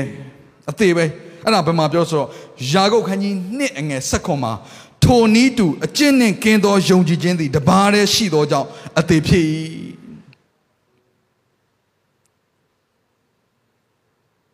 အဲ့တော့သင်ယုံကြည်တယ်ဆိုတဲ့အရာကိုဘာနဲ့စပြီးတော့ခြေလန်းလှမ်းရတယ်သီလနဲ့စပြီးတော့ခြေလန်းလှမ်းရတယ်ဒါကြောင့်ယုံကြည်ခြင်း၌ပါလဲသီလကဲစောစောခုနှစ်ဆင့်လေးပြပါဦးဗျာယုံကြည်ခြင်းဆိုတဲ့အုတ်မြစ်ကိုအခြေချပြီးသွားရင်သီလဆိုတဲ့အရာနဲ့အသက်ရှင်ရတယ်အဲ့တော့ကျွန်တော်တို့တစ်ခါတည်းမှာထင်မှားလွဲပြီးတော့ယုံကြည်ထားတဲ့အရာကတော့ယုံကြည်ခြင်းတစ်ခုရှင်ရပြီယုံကြည်ခြင်းတစ်ခုရှင်ရပြီ ဒါပေမဲ့သူ့ရဲ့အသက်ရှင်မှုကိုကြည့်တဲ့အခါမှာဘာမှပုံသက်တွေမရှိဘူးကဲ့ရဲ့စရာအကြောင်းတွေအများကြီးပဲအပြစ်တွေလည်းလုံနေတယ်ဒါပေမဲ့သူကဘာပြောလဲဟာယုံကြည်ခြင်းရှင်ရပြီယာကုပ်ကဘာပြောလဲဟဲ့အကျင့်နဲ့ကင်းသောယုံကြည်ခြင်းဟာတဲ့အသေးဖြစ်တယ်တော့ကျွန်တော်သေနေသောအသင်းတော်တွေသေနေသောယုံကြည်သူတွေဖြစ်ကျွန်တော်ကတော့မမြင်မမြင်ချင်ဘူးဒီအသင်းတော်ကိုသေနေတဲ့အသင်းတော်ဖြစ်မမြင်ချင်ဘူး အသက်ရှင်သောအသင်းတော်အသက်ရှင်သောယုံကြည်သူတွေဆိုရင်ကိုယ့်ရဲ့ယုံကြည်ခြင်းကိုအကျင့်အားဖြင့်ပြဖို့လိုတယ်အာမင်အကျင့်နဲ့ကင်းသောယုံကြည်ခြင်းဟာအသေးဖြစ်တယ်ဆိုတော့အင်္ဂလိပ်လိုဆိုရင်တော့ goodness လို့ရေးတယ်ကောင်းသောအရာပေါ့ဒါပေမဲ့နောက်ထပ်ဘာသာပြန်တစ်ခုကဘယ်လိုလဲဆို excellence excellence excellence လို့ပြောပြီးဆိုရင်ကျွန်တော်ပထမဆုံးသွားပြီးမြင်အောင်တာဘာလို့လဲဆိုတော့ဒန်ရီလာကိုသွားမြင်အောင် ဒန်ရီလာရဲ့အခြေအနေက excellent spirit နဲ့ excellent တကယ်ကိုဟာ share အသက်ရှင်ဖို့ဘယ်လိုမှမဖြစ်နိုင်တဲ့အခြေအနေသူ့ကိုလာသိမ်းသွားတာရန်သူကလာသိမ်းသွားတာနော်သူ့ရဲ့လူမျိုးကိုတပ်ဖြတ်နှိပ်စက်ညှဉ်းပန်းတဲ့ရန်သူကသိမ်းသွားပြီးတော့အဲ့ဒီရှင်ဘုရင်တွေသူကအမှုဆောင်ရတာကျွန်တော်တို့သာဆိုရင်တော့ပေါ့ပပလေးပဲလှုပ်လိုက်မှာပေါ့ဒန်ရီလာအဲ့လိုမလုပ်ဘူးအကောင်းဆုံးလုပ်တယ်အကောင်းဆုံးဆိုတဲ့အရာပဲဒန်ရီလာစီကပေါ်လာတယ် သူဒါဆိုသူအမှုဆောင်နေတာဘသူ့ကိုလဲသူကြိုက်တဲ့သူကိုမဟုတ်ဘူးသူရဲ့ယန်သူဖြစ်တဲ့ရှင်ဘုရင်ရဲ့ရှေ့မှာအမှုဆောင်နေတာဒါပေမဲ့ဘာနဲ့အမှုဆောင်နေရလဲ excellent spirit နဲ့အမှုဆောင်နေတာဒါကြောင့်မလို့เนาะ excellent spirit ကိုဒီအာတုတ်တန်ချမ်းမှာတော့ဘယ်လိုဘာသာပြန်လဲဆိုတော့မိမိလှုပ်ဆောင်မဲ့အမှုကိုကောင်းမွန်စွာပြီးစည်းစေတော်သူတဲ့ထို့သူကရှင်ဘုရင်ရဲ့အရှိမမတ်တရရတယ်တာမညာလူမဟုတ်ဘူးရှင်ဘုရင်ရဲ့အရှိမမတ်တရရတယ်အာမင်တော့ ယုံကြည်သူတွေစီကနေထွက်လာရမယ့်အရာတွေကဘာလဲဆိုရင်အကောင်းဆုံးသောအရာတွေဖြစ်တယ်အချိန်နေကောင်းမှငါကောင်းကောင်းလှုပ်ပေးလိုက်မယ်ငါ့ကိုကောင်းမှငါကောင်းကောင်းလှုပ်ပေးလိုက်မယ်အဲ့လိုမဟုတ်ဘူး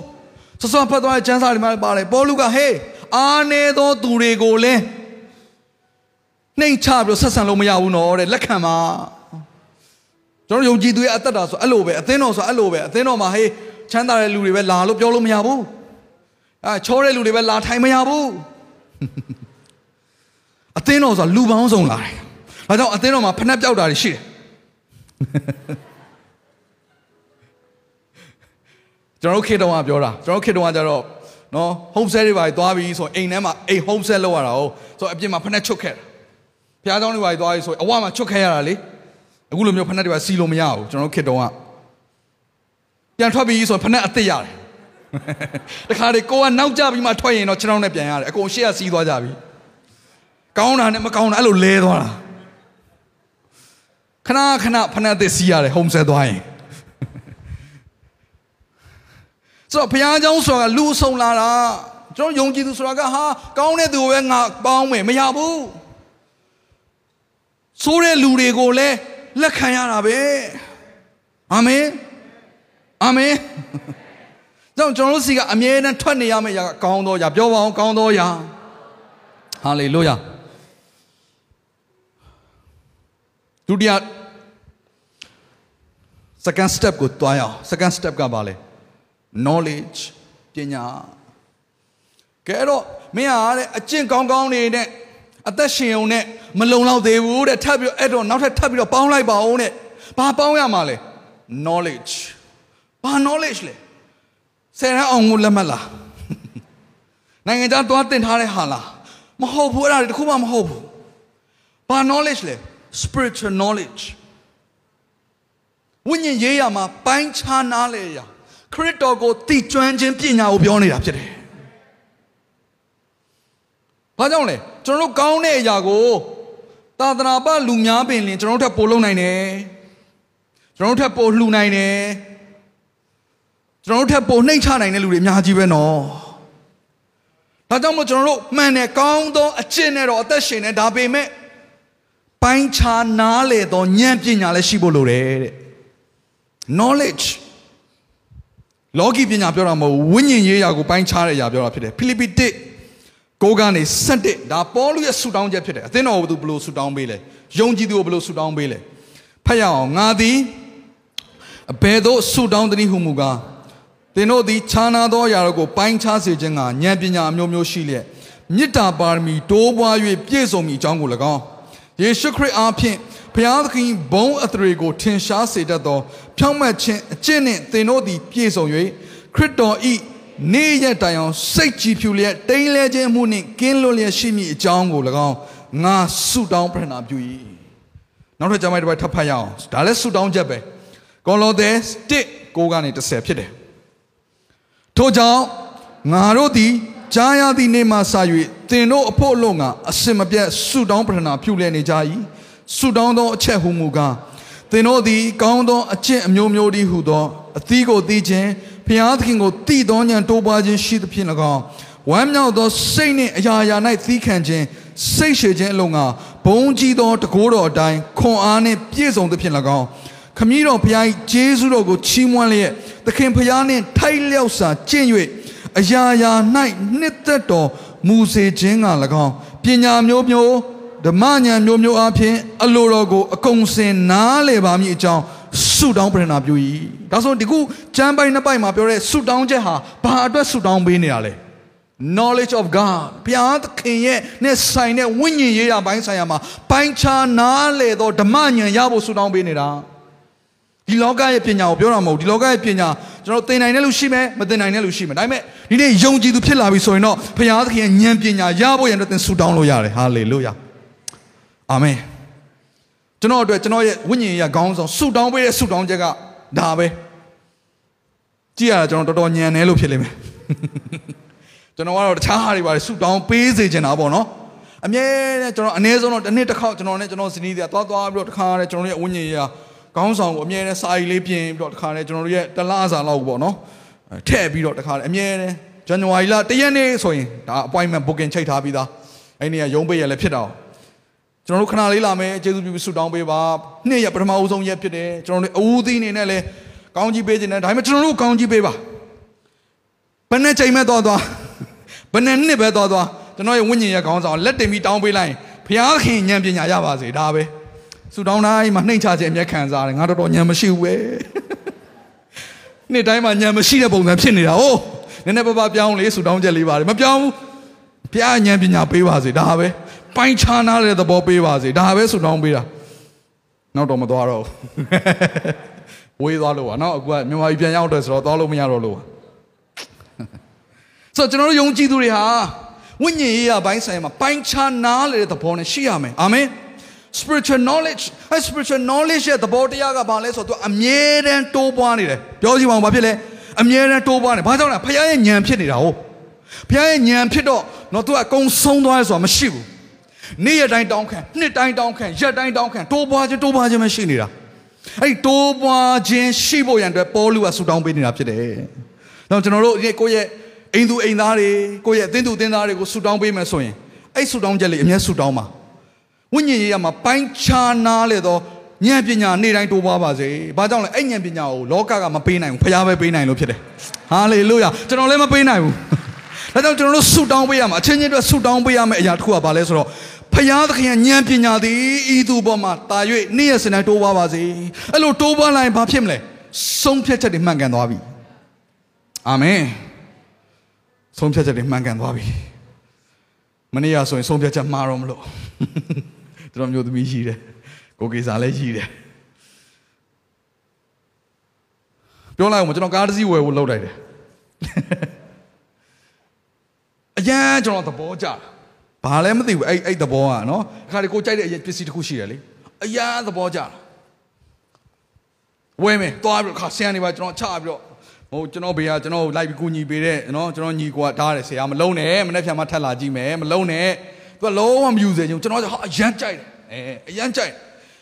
ဒီချိန်မှာပတ်စံဆိုလက်ထက်ကင်ထားလို့မရဘူးအဲဘာညာပေါ့နော်ဝယ်ရမယ်ဘာဖြစ်နေညာဖြစ်နေတခါတည်းပြောပြောမပြောမဆိုတခါဆရာနေပါကောက်ချပလိုက်တယ်ဟာပြန်လဲပြန်တော့အာကားတပ်ပုံအာရပါကြွားလိုက်တယ်ကျွန်တော်ညီစီပို့လိုက်တာသူကဘာလာပြောလဲဆိုတော့ကားကတဲ့လှတော့တော်တော်လှတယ်ဒါပေမဲ့တဲ့ အာတုဘမှာတုံးတဲ့ကားနဲ့တူတယ်နော်တဲ့ကျွန်တော်ဒေါကန်လာသိတာကျွန်တော်အရန်ကြိုက်နေတာလေဟာဒီလောက်လှတယ်ကောကွာဘာမှပြောသေးဘာမှပြောသေးကျွန်တော်အိမ်ပြန်သွားအိမ်မှာထမင်းတွေမှာစားပြီးတော့ကျွန်တော်မိန်းမကြောဟေးငါကားစီဘုတ်ကင်လုပ်ခဲ့တယ်ဟုတ်လားဘာကားလဲဓာတ်ပုံပြမယ်ခဏလေးရမိုက်တာပြလိုက်ဖင်းနဲ့အလောင်းတဲ့ကားကြီးနဲ့တူတယ်ဟာတိုင်များတိုင်ပင်ထားသလားပေါ့ တော်တော်အဲ့ညအလုံးအိမ်မရအောင်လုံးဝအိမ်မရအောင်ဒေါကန်မနဲ့မနဲ့ထားတော့တခါလေဒေါကန်သွားမယ်မနဲ့ချိန်လာတာဟုတ်မနဲ့ဆိုရင်ပတ်စံချိန်မယ်ဘာညာလုံးမယ်အင်ဂျင်နီယာလဲပြီးတော့ကျွန်တော်ထွက်သွားပြီးတော့ကျွန်တော်ညီကိုလှမ်းဖုံးဆက်လိုက်တယ်โอเคစာချုပ်သွားချုပ်မယ်လိုက်ခဲ့ပါဆိုတော့ကိုကေစာရှိတယ်ဒီမှာကိုကေစာကဲဟုတ်ပြီဆရာကျွန်တော်စောင့်နေတယ် तू ကလည်းတားမရဘူးဆိုတော့လေ तू ကလည်းပြောဆရာဆရာပါပဲတားမရဘူးဆိုတော့လေ အဲ့တော့ကျွန်တော်ကြိုက်တယ်ဆိုတော့ तू ကလည်းလိုက်ခဲ့ပေးမယ်လှုပ်ပေးမယ်အကုန်လုံးအဲကျွန်တော်လည်းသွားကားမောင်းပြီးသွားပြီးသူ့ကိုဝင်ခေါ်တဲ့ချိန်မှာသူ့ရဲ့အတိတ်တရားနဲ့ကျွန်တော်ခဏလေးစကားပြောတယ်ထိုင်ပြီးတော့ဟေးကျွန်တော်ကားစီးဝယ်ဖို့အမတော့ကြွားချင်တာကွာဟာအဲ့ကားရအရန်လှတာဘာဖြစ်လဲဓာတ်ပုံပြလိုက်တာဆရာအာသူဘာကားကြီးလားမသိဘူးသူမတူတဲ့၃ယောက်ကမတိုင်ပင်ထားပဲနဲ့စကားတခွန်းနဲ့ကိုပြောတာအဲ့ဒါဖျားပြောတာမဟုတ်ရင်ဘာများဖြစ်မလဲ အရန်ကြိုက်တယ်နော်ကျွန်တော်ဒါပေမဲ့အော်ငါညံညာမရှိလို့နေပါဖျားကငါပေးနာလူလည်းငါ့ကိုစကားပြောတာနေမှာချက်ချင်းပဲကျွန်တော်ပြောတယ်ကျေးဇူးပြုကျွန်တော်ဖုံးဆက်ပေးပါကျွန်တော်မယူတော့ဘူးဆေးရန်လဲရှုံးပါစေတော့ကျွန်တော်ရှုံးခလိုက်တော့မယ်ဒီပညာကဈေးကြီးတယ်ဘာညာနဲ့ကျွန်တော်ပြောပြီးပြန်လာတာကျေးဇူးတော်ကဘာလဲဆိုတော့အဲ့ဒီအဲ့ဒီကားပိုင်ရှင်ကဖုံးဆက်တယ်ရပါတယ်မယူဖြစ်ရင်လည်းဆေးရန်လေးပြန်လာယူပေးပါဟာတကယ်ဆိုအဲ့လိုမရှိဘူး အဲ့လိုမရှိဘူးအဲ့တော့ဘုရားစကားကိုနားထောင်လိုက်တော့တော်တော်အဆင်ပြေသွားတယ်ကျွန်တော်ကအမှန်တမ်းပြောအဲ့တယောက်ကဖုံးဆက်တယ်ကျွန်တော်ကိုကိုင်ဝမကိုင်ဘူးကိုင်ဝမကိုင်ဘူးကျွန်တော်မယူတော့ဘူးလေကိုင်ဝမကိုင်ဘူးအဲ့ဒါနဲ့တဆင့်ဖုံးဆက်တယ်ကျေးဇူးပြုဖုံးကိုင်ပေးပါပတ်စံပေးခြင်းလို့ပါတဲ့ဆိုတော့ကျွန်တော်နေ့စဉ်သွားလာလှုပ်ရှားတဲ့ခါမှာငွေကြေးဆုံးရှုံးတာရှိနိုင်တယ်အမှားယွင်းတွေဖြစ်နိုင်တယ်ဒါပေမဲ့ဘုရားကသတိပေးတယ်ဘုံမောက်လားမသိဘူးနော်ဝိညာဉ်ရေးကဘာသာပိုင်းခြားနားလည်ဖို့လိုတယ် ဟိုကျွန်တော်ကပထမကျွန်တော်ညီပြောတော့ဒါသူ့ရဲ့အမြင်ပေါ့လေနော်ကိုမိမပြောတဲ့ခါကျတော့ तू ပတ်စံမကုန်ကျင်လို့ပေါ့လေဒါပေမဲ့တခါမှကိုနဲ့မရင်းနေတဲ့ကိုမိသားစုမဟုတ်တဲ့လူကပြောတဲ့ခါကျတော့တူညီတဲ့စကားကိုပြောလာတဲ့ခါကျတော့ဒါငါ့ကိုဖျားစကားပြောဆိုကောင်းကောင်းသိသွားတဲ့အထဲကပတ်စံရှုံးရင်ရှုံးပါစေတော်ပြီငါမဝယ်တော့ဘူးဆိုရပ်ပလိုက်တယ်အမှန်မှန်ဆိုကိုကဆယံချထားပြီးသားငါမကျေးဇူးတော့ကအဲ့ဆယံမှာပြန်ရတယ်ဆိုတော့ကျွန်တော်ပြောချင်တာကဒီနေ့ဝိညာဉ်ရေးရဘိုင်းဆိုင်မှာကျွန်တော်တို့ဒီလောကမှာအသက်ရှင်နေတဲ့အခါမှာ နော်နေပယ်တွေကနော်ကျွန်တော်တို့တကယ်တည်းဒီယာကြီးကိုထိန်းချုပ်ထားတဲ့နေပယ်ကဝိညာဉ်ရေးရနေပယ်ဖြစ်တယ်။ဒါကြောင့်အဲဝိညာဉ်ရေးရဘိုင်းဆိုင်မှာပိုင်းခြားနားလဲရင်ကျွန်တော်တို့အမားတွေမလုပ်ပြီးတော့ဘူး။မဆုံးရှုံးတဲ့နာတွေမဆုံးရှုံးတော့ဘူး။အာမင်။ဒါကြောင့်မလို့ကျွန်တော်တို့ရဲ့ဉာဏ်ပညာတိုးပွားဖို့အတွက်ဘုရားရှင်အလိုရှိတယ်။အဲ့ဒီအရာကဘာဖြစ်လာလဲဆိုတော့ကျွန်တော်တို့အသက်တာကဘုံထင်ရှားသောအသက်တာအသီးသီးသောအသက်တာဖြစ်လာတယ်။အာမင်။ဟာလေလုယာ။ကြောင့်ဆာလန်119မှာကျမ်းပိုက်၄ပိုက်ရှိတယ်။အဲ့၄ပိုက်လုံးကနှုတ်ကပတ်တော်နှုတ်ကပတ်တော်ဆိုပြီးတော့ဒီကျွန်တော်တို့ကိုတုံသင်ထားတယ်။ဖတ်ရအောင်။ ပထမဆာလန်119အငယ်9လူပြိုသည်မိမိသွားသောလမ်းကိုအဘယ်သို့တန်ရှင်းစေနိုင်ပါမည်နည်းဟုမူကားနှုတ်ကပတ်တော်တိုင်းသတိပြုရမည်လူငယ်များသင်တို့ရဲ့အသက်တာမှာအမှားမှန်အားလုံးကိုထိန်းညှိပေးသွားမှာကနှုတ်ကပတ်တော်ဖြစ်တယ်ဒီလောကကသင်ထားတဲ့ပညာမဟုတ်ဘူးအာမင်ဘာကြောင့်ဒီလောကကမှန်တယ်ဆိုတဲ့အရာဘုရားရဲ့အရှိမမှန်ကြမှာမှန်လိမ့်မယ်အာမင်ကဲဒုတိယတစ်ပိုက်အငယ်7ကိုရောကို မပြစ်မှားပဲနေနိုင်မိကြောင်းဗျာဒိတ်တော်ကိုနှလုံးသားထဲမှာတိုးထားပါပြီတတိယပိုက်တရားငါနှုတ်ကပတ်တော်သည်အကျွန်ုပ်ရှေ့ချေမှာမိခွက်ဖြစ်၍အကျွန်ုပ်လမ်းခီးကိုလင်းစေပါ၏ဟာလေလုယာနောက်ထပ်တစ်ပိုက်နောက်ဆုံး130နှုတ်ကပတ်တော်ကိုဖွင့်ပြခြင်းသည်အလင်းကိုပေး၍မလိမ္မာသောသူတို့ကိုလိမ္မာစေတတ်ပါ၏အာမင်အာမင်ဒါမှမဟုတ်ဓမ္မပညာအရာမှာ နှုတ်ကပတ်တော်မှာကျွယ်ဝသောသူတွေဖြစ်ပါစေကဲဒါဆိုရင်ဒါဒီလောက်နဲ့ရတာဆိုမရဘူးတဲ့နောက်တစ်ဆင့် that step အဲ့ပါလေ self control ဉာဏ်ပညာတွေတော့ရှိနေပေမဲ့ပိုင်းခြားနားလဲမှုတွေရှိနေပေမဲ့ကိုယ့်ကိုယ်ကိုမထိန်ချုပ်နိုင်ဘူးဆိုရင်ကျွန်တော်ဒီနေ့အိုက်ကားဝယ်ပြီးသွားပြီသိတယ်ဘုရားပြောနေတာသိတယ်သိတယ်ဒါပေမဲ့ဒီကအယမ်းလိုချင်နေတာအဲ့လိုချင်တဲ့စိတ်ကိုမထိန်လိုက်ဘူးဆိုရင်တော့နော်သွားပြီနော် ကျွန်တော်လည်းဒီနေ့ကျွန်တော်မိမလည်းပြုံးပြောနိုင်မှာမဟုတ်ဒီနေ့လည်းကျွန်တော်ကောင်းကောင်းတရားဟောနိုင်မှာမဟုတ်တော့အဲ့တော့ကျွန်တော်ရဲ့နေ့စဉ်သက်တာမှာလိုချင်တဲ့ຢာတွေရှိတယ်တက်မှတ်တဲ့ຢာတွေရှိတယ် self control အဲ့ဒါမရှိဘဲနဲ့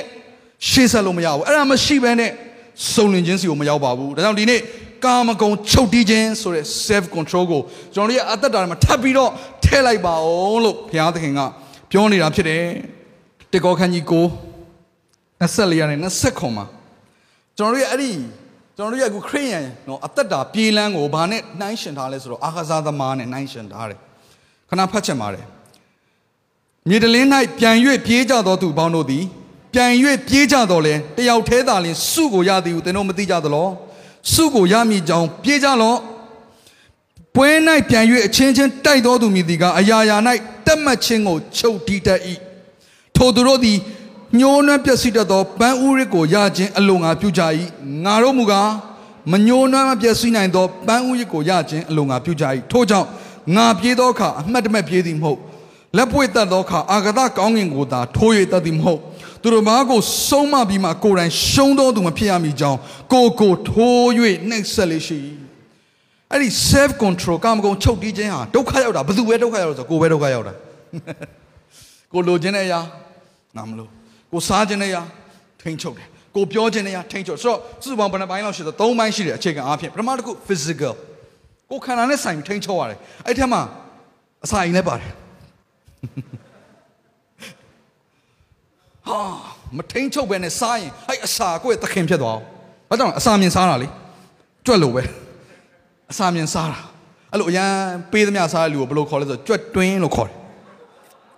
ကြိုက်တာလောင်းထက်ပြောင်းနေဗျာ အဲ့တော့အဲ့ဒီကြွက်တင်းကြွက်ကြွက်တွင်းတွေကိုပိတ်ဖို့လိုတယ်မဟုတ်ရင်ကိုကတခင်မဟုတ်တော့ကိုကထိန်းချုပ်ရမှာလေအစားတော့ကိုမဟုတ်ဘူးလားစားတင်တာစားမစားတင်တာမစားအလွန်ကျူးဆိုင်ကိုခန္ဓာမှာဒုက္ခရောက်တယ်အချို့များများဆိုင်စီးကြိုရမှာပေါ့ဟုတ်တယ်မအငန်နေအစီရဆိုင်တွေးတော့ရမှာပေါ့ဘသူပဲဒုက္ခရောက်လေကိုပဲဒုက္ခရောက်တာဥရဒုက္ခရောက်မယ်အဆိုင်နေဒုက္ခရောက်မယ်ကိုကိုညှင်းဆဲနေတာအဲ့တော့ကိုကဘာလုပ်ရလဲထိန်းချုပ်ရတယ်ကိုကတခင်ဖြစ်ဖို့လိုတယ်အစားတော့တခင်ဖြစ်လို့မရဘူး ဒီကိုခန္ဓာအသွေးသားကိုယ့်ရဲ့သခင်ဖြစ်လို့မရဘူးဒီကိုခန္ဓာတက်မှတ်မှုနောက်ကိုလိုက်သွားမှတော့ပျက်စီးခြင်းဆုံးရှုံးခြင်းမရှိတယ်ပေါ့လွန်ကျူးခြင်းတွေဖြစ်ကုန်မှာပေါ့မှားယွင်းခြင်းတွေဖြစ်ကုန်မှာပေါ့အဲ့တော့ physical ဘိုင်းဆိုင်ရာအသွေးသားဘိုင်းဆိုင်ရာထိန်းချုပ်ရတယ် self control ဒုတိယတစ်ခု thoughts အတွေးခေါ်အတွေးခေါ်ဆိုတာကအခုထိုင်နေနေလည်းကဘာပတ်တယ်ချို့က US ကိုရောက်နေပြီချို့က Australia မှာကျောင်းသွားတက်နေပြီ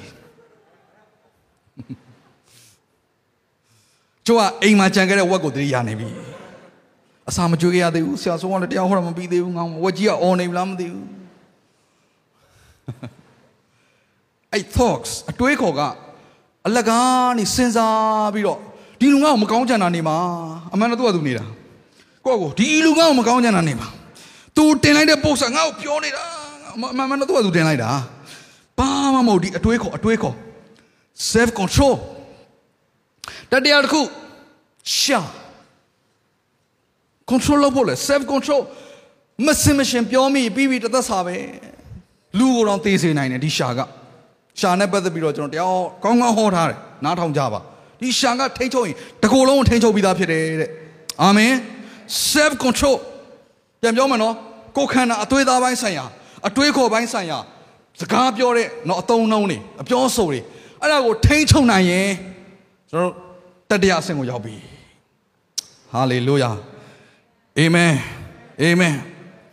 ဒါကြောင့်ယာကုပ်1:26မှာဘယ်လိုရေးလဲဆိုတော့သင်တို့တွင်အကျဉ်သူသည်သီလစောက်တီဟန်ပြုတော်လဲမိမိနှုတ်ကိုမချုပ်တီမိမိနှလုံးကိုလှည့်ဖြား၍ထိုသူလှည့်ဖြား၏ထိုသူ၏သီလသည်အချင်းဤတသက်ဖြစ်၏ဟာအရှိမရှေ့ကရှေ့ကသီလဆိုတာအချောင်းမုံတော့အရှိကဟာတွေအရှိကဟာတွေ ဒါပေမဲ့နှုတ်ကိုမချုပ်တီးဘူးအတွေးခေါ်တွေကိုမချုပ်တီးဘူးအသွေးသားကိုမချုပ်တီးဘူးဆိုရင်တဲ့သူရှေ့ကကျင့်ခဲ့သမျှကောင်းနေရအားလုံးအချင်းကြီးပဲဒါကြောင့်မလို့ဘာအဲ့တော်လှုပ်ဖို့လိုလဲကာမဂုဏ်ချုပ်တီးခြင်းကဲနံပါတ်၄မြန်မြန်လေးသွားရအောင်နော်တနားကြီးထိုးကနေပြီဆိုတော့နံပါတ်၄ကပါလဲသီးခံခြင်းပြောပါဦးပါလဲသီးခံခြင်း သီးခံခြင်းအင်္ဂလိပ်ဆိုရင် perseverance endurance ယောမငါတစ်ကနေငါကိုဖတ်ချင်ပါတယ်ကဲကျွန်တော်နဲ့အတူအတန်ကြဲကြဲလေးဖတ်ပေးပါအောင်နော်အားလုံးထက်ကျွန်တော်အတန်ပိုကြံနေသလိုပဲကဲဖတ်မယ်တင်းနှစ်သုံးထို့ကြောင့်ငါတို့သည်ယုံကြည်ခြင်းရှိ၍ဖြောင်းမတ်ရသောရောက်လျင်ငါတို့သခင်ယေရှုခရစ်အားဖြင့်ဖျားသခင်ရှေ့တော်၌ညီသက်ခြင်းကိုခံစားကြ၏ထိုကျေးဇူးတော်ကိုခံစားသည့်အကြောင်းမှာ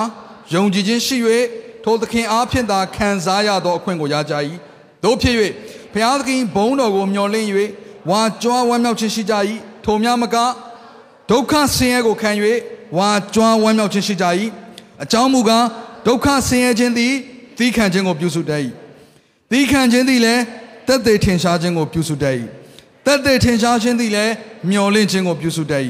ထိုမျော်လင့်ခြင်းသည်ရှက်ကြောက်စရာအကြောင်းနှင့်ကင်းလို့၏အဘဲကြောင့်နှင့်ဟုမူကား ငါတို့အားပေးတော်မူသောတန်ရှင်သောဝိညာဉ်တော်သည်ဘုရားသခင်မြစ်တာတော်ကိုငါတို့စိတ်နှလုံးထဲသို့ညှိုးလောင်းတော်မူ၏ဒီကျမ်းစာကိုကြည့်တဲ့အခါမှာဝမ်းမြောက်ခြင်းနှမျိုးကိုသွားပြီးတော့တွေ့ရတယ်ပထမဝမ်းမြောက်ခြင်းကသူကဘုရားသခင်ပေးတဲ့မျှော်လင့်ခြင်းနဲ့မှဝမ်းမြောက်တာဟာအားလုံးဝမ်းမြောက်တယ်အဲ့ဒါကြတော့အဲ့တော့ဟာဘုရားကျေးဇူးပြုမယ်ဆိုဝမ်းမြောက်တယ်လေဘုရားကယ်မယ်ဆိုဝမ်းမြောက်တယ်လေဒါပေမဲ့နောက်ထပ်ဝမ်းမြောက်ခြင်းတစ်ခုကဘာလဲဆိုတော့ ထိုများမကားတဲ့ဒုက္ခဆင်းရဲခြင်းကိုခံ၍ဝါကြွားဝမ်းမြောက်ခြင်းရှိကြ၏ခရစ်တော်စီကလာတဲ့ကျွန်တော်တို့ကောင်းကြီးပဲမျှော်လင့်နေဖို့မဟုတ်ဘူးခရစ်တော်ခံခဲ့တဲ့ဒုက္ခဆင်းရဲကိုလည်းကျွန်တော်တို့ကခံစားတတ်ဖို့လိုတယ်အဲ့လိုခံစားရရင်လည်းဝမ်းမြောက်ဖို့လိုတယ် rejoicing in suffering လို့ခေါ်တယ်ဒုက္ခဆင်းရဲခံရတယ်ဒါပေမဲ့ခရစ်တော်ထဲမှာဝမ်းမြောက်နေတော့မယ်အာမင်ဘာကြောင့်အဲ့လိုဝမ်းမြောက်ခြင်းအဲ့ဒီဒုက္ခဆင်းရဲကို နော်ဒုက္ခဆင်းရဲကိုကျွန်တော်သိခံလိုက်တဲ့အခါမှာနော်ဒုက္ခဆင်းရဲကိုကျွန်တော်ခံစားလိုက်တဲ့အခါမှာအဲ့ဒီအဲ့ဒီဝမ်းမြောက်ခြင်းနဲ့တူရင်ဆိုင်လိုက်တဲ့အခါမှာကျွန်တော်တို့ရဲ့အထဲမှာစိတ်ရှည်ခြင်းဆိုတဲ့အရာဖြစ်လာတယ်သီးခံခြင်းဆိုတဲ့အရာဖြစ်လာတယ်အာမင်တော့သီးခံခြင်းနဲ့ self control သူကဘာနဲ့တူလဲဆိုတော့အကျွေးစီးတစ်စီးလိုပဲ self control လုပ်လိုက်ပြီဆိုရင် ခံစားရပြီလေ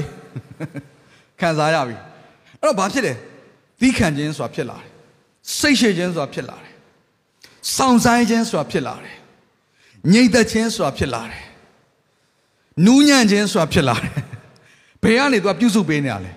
ဒုက္ခဆင်းရဲကနေပြုစုပေးတာအဲ့တော့ကျွန်တော်တို့ကတော်တော်များများကအဲ self control နဲ့အဲ suffering ဆိုတဲ့အဲ coin ကိုအဲ့ဒီအကျွေးစီးကိုကြော်ပြီးတော့ နော်နောက်ထပ်တစ်ဆင့်ဖြစ်တဲ့ godliness godliness ဆိုတဲ့ဖျားဝင်နဲ့မွေ့လျော်ခြင်းဖျားသခင်နဲ့တူခြင်းဆိုတဲ့အရာအာ lovely တို့တခါလဲနော်ညီကိုစုံမက်ခြင်းတို့နော်ချစ်ချင်းမြတ်တာဆိုတဲ့အရာကိုတက်လှမ်းခြင်းလည်းမရဘူးအဲ့ဒီ suffering ဆိုတဲ့ဒုက္ခဆင်းရဲကိုခံစားရလေးလေးဆောဆောပြောစိတ်ရှည်ခြင်းနဲ့သိခံခြင်းနဲ့ကိုယ့်ကိုမကောင်းပြောရင်လည်းအဆင်ပြေတယ် ကိုကိုမကြိုက်တဲ့လူကိုလည်းကျေးဇူးပြုနိုင်တယ်အဲ့မှာလာပြီအဲ့ခါကျတော့မှ brotherly kindness ဆိုရယ်ညီကိုစုံမချင်းဆိုရယ်ຢာလာတာညီကိုဆိုတာတခြားလူမဟုတ်ဘူးကိုဘေးကလူပဲယုံကြည်သူချင်းချင်းကိုပြောတာပတ်စံချီဘယ်သူပဲလာချီရလဲကိုဘေးနာလူပဲလာချီတာပြန်မပေးရလဲဘယ်သူလဲသူပဲဒါပေမဲ့ဆက်ချစ်နေတော့ပဲဘာကြောင့်လဲသိခံနိုင်တာ哦ဘာကြောင့်သိခံနိုင်တာလဲအဲ့လိုအဲ့လိုဒုက္ခခံရတာမနေတော့ဘူးလေဆိုတော့အထက်မှာခံနိုင်ရရှိနေပြီ ဘယ်ကျွန်တော်လည်းကျွန်တော်လည်းဒီဒီသဘောတရားပါပဲပတ်စံရှိတဲ့လူတွေရှိတယ်ပြန်မပေးဘူးအချို့ကတောင်းကနေချို့ကသိန်းကနေချို့ကဆယ်ကနေဆယ်ကနေတော့ချို့အများကြီးပြန်မပေးဘူးချစ်နေရတာပဲဟာငါအကျွေးပြန်မပေးဘူးသွားငါရဲ့အကောင့်တွေကထွက်တို့နော်ငါရဲ့အသင်းတော်မလာနဲ့တို့ and friend တို့မရဘူးလေခံရတာပဲခံရတာပဲအဲ့ဒီအရာကပဲကျွန်တော်တို့ကို smooth stone ဖြစ်စေတာအဲ့ခါကြတော့မှပဲဂွန်လျက်ကိုတတ်လို့ရတာအဲ့ဒီတောက်တုံးနဲ့အာမင်အာမင်ဟာလေလုယာဘုရားသခင်သုံးလို့ရတဲ့ smooth stone တွေဖြစ်ဖို့ပြင်ဆင်ရအောင်တတ်တာကိုယာကုပ်1နှစ်လေးနှစ်ကနေလေးယာကုပ်1နှစ်ကနေလေးငါညီကိုတို့သင်တို့၏ယုံကြည်ခြင်းကိုစစ်ကြောစုံစမ်းခြင်းရသည်သီးခံခြင်းကို ပွားစေတတ်သည်ဟုသိမှတ်လျက်အထူးထူးပြားပြားစုံစမ်းနှောက်ယှက်ခြင်းနှင့်တွေ့ကြုံသောအခါဝမ်းမြောက်စရာအကြောင်းတသက်ဖြစ်သည်ဟုမှတ်ကြလော့သင်တို့သည်အလင်းမချို့တဲ့ပဲစေးဆက်စုံလင်မိအကြောင်းသီးခံခြင်းစိတ်သည်အကုန်စင်ပြုတ်ပြပါစေကဲဒီကျမ်းပိုက်တွေကအကုန်လုံးချိတ်ဆက်ပြီးသားတစ်ခုတည်းကိုပဲပြောနေတာတနေရာတည်းကိုပဲပို့နေတာဒါကြောင့်မလို့ confuse မဖြစ်ပါနဲ့ဒီလေကားထက်တိုင်းပဲဆက်ပြီးသွားရအောင်နောက်ဆုံးမှသင်ကဖခင်နဲ့တူတော်သူဖြစ်ကိုဖြစ်မှာကျွန်တော်အာမခံ God is love လူတွေကသင်ကိုမြင်တဲ့အခါမှာ love မေတ္တာကိုပဲမြင်ရလိမ့်မယ်။သင်ရဲ့နူးညံ့တိမ်မွေ့ခြင်းဝယ်မြင်ရလိမ့်။သင်ရဲ့စိတ်ရှည်ခြင်းဝယ်မြင်ရလိမ့်မယ်။ဟာယေရှုနဲ့တူလိုက်တာ။အာမင်။ကဲနောက်ထပ်နံပါတ်5နော်။ရောက်ခါနေပြီနော်။ဆင်ပြေလား။ဆင်ပြေတယ်။အပေါ်ရောက်ခါနေလေပင်ပန်းလေးပဲ။အာတင်ထားမယ်။ဟာလေလုယာ။ကဲနံပါတ်5ချက်ကပါလေ။ မြန်မာလိုတော့ဘလို့ဘာသာပြန်လဲဆိုတော့ဖျားဝတ်ကိုပြုတ်၍မွေ့လျော်ခြင်းကျွန်တော်တို့စဉ်းစားရတဲ့အခါမှာဒါအော်ဖျားเจ้าနဲ့ဆိုင်တဲ့ကိစ္စတွေအလူဒါနကိစ္စအဲ့လိုစဉ်းစားမိလိမ့်မယ်အဲ့ဒါတွေမဟုတ်ဘူးအဲ့ဒါတွေကတီလာမကြံခဲ့ပြီခု godliness ဆိုတာဘာလဲဆိုတော့ဖျားသခင်နဲ့တူတဲ့လူကိုပြောတာဖြစ်တယ် တင်းရဲ့တရမှာအတွေ့အကြုံရှိလာတော့မသိဘူးတင်းတယောက်နဲ့စကားပြောလိုက်တယ်ပြောလိုက်တာနဲ့သူ့ရဲ့အထက်မှာဖះဖះကိုမြင်သွားမြင်ရတယ်လွတ်မြောက်ခြင်းခံစားရတယ်သူစီကထွက်လာတဲ့စကားတွေကကိုယ့်အတွက်အလင်းလိုပဲ အဖြေလိုပဲကြည့်နော်ခါရဲအထဲမှာကိုယ့်ရဲ့အထဲမှာနော်သူ့သူ့ရဲ့ဆူတောင်းခြင်းသူပြောတဲ့စကားတွေကကိုယ့်ကိုအင်အားပြန်ဖြစ်စေတာကြည့်နော်ဒီမှာရှေ့လို့ပြောကျွန်တော်တို့ကတော့ခဏခဏကြုံရတယ်။ဘာကြောင့်လဲကျွန်တော်တို့ကိုယ်တိုင်အမှုတော်ဆောင်တွေဖြစ်တဲ့ကမှာသင်းရုပ်တွေဖြစ်တဲ့ကမှာကျွန်တော်တို့ပေါင်းတဲ့ဆက်ဆံတဲ့လူတွေကအမှုတော်ဆောင်ဆရာဆရာမတွေပဲ။ဆိုတော့ချို့နဲ့တွေ့တဲ့ခါမှာဘုရားသခင်လုံးဝမခံစားရဘူး။ဒါပေမဲ့ချို့နဲ့တွေ့လိုက်တဲ့ခါမှာတကူကိုခံစားရတယ်။ဘုရားသခင်အရာတာကိုခံစားရတယ်။ तू तू ဘာမှမပြော तू ရှိနေတာနဲ့ तू ပြုံးပြလိုက်တာနဲ့ဟာလေလုယာ။ तू ရဲ့သွားကိုကြည်တာနဲ့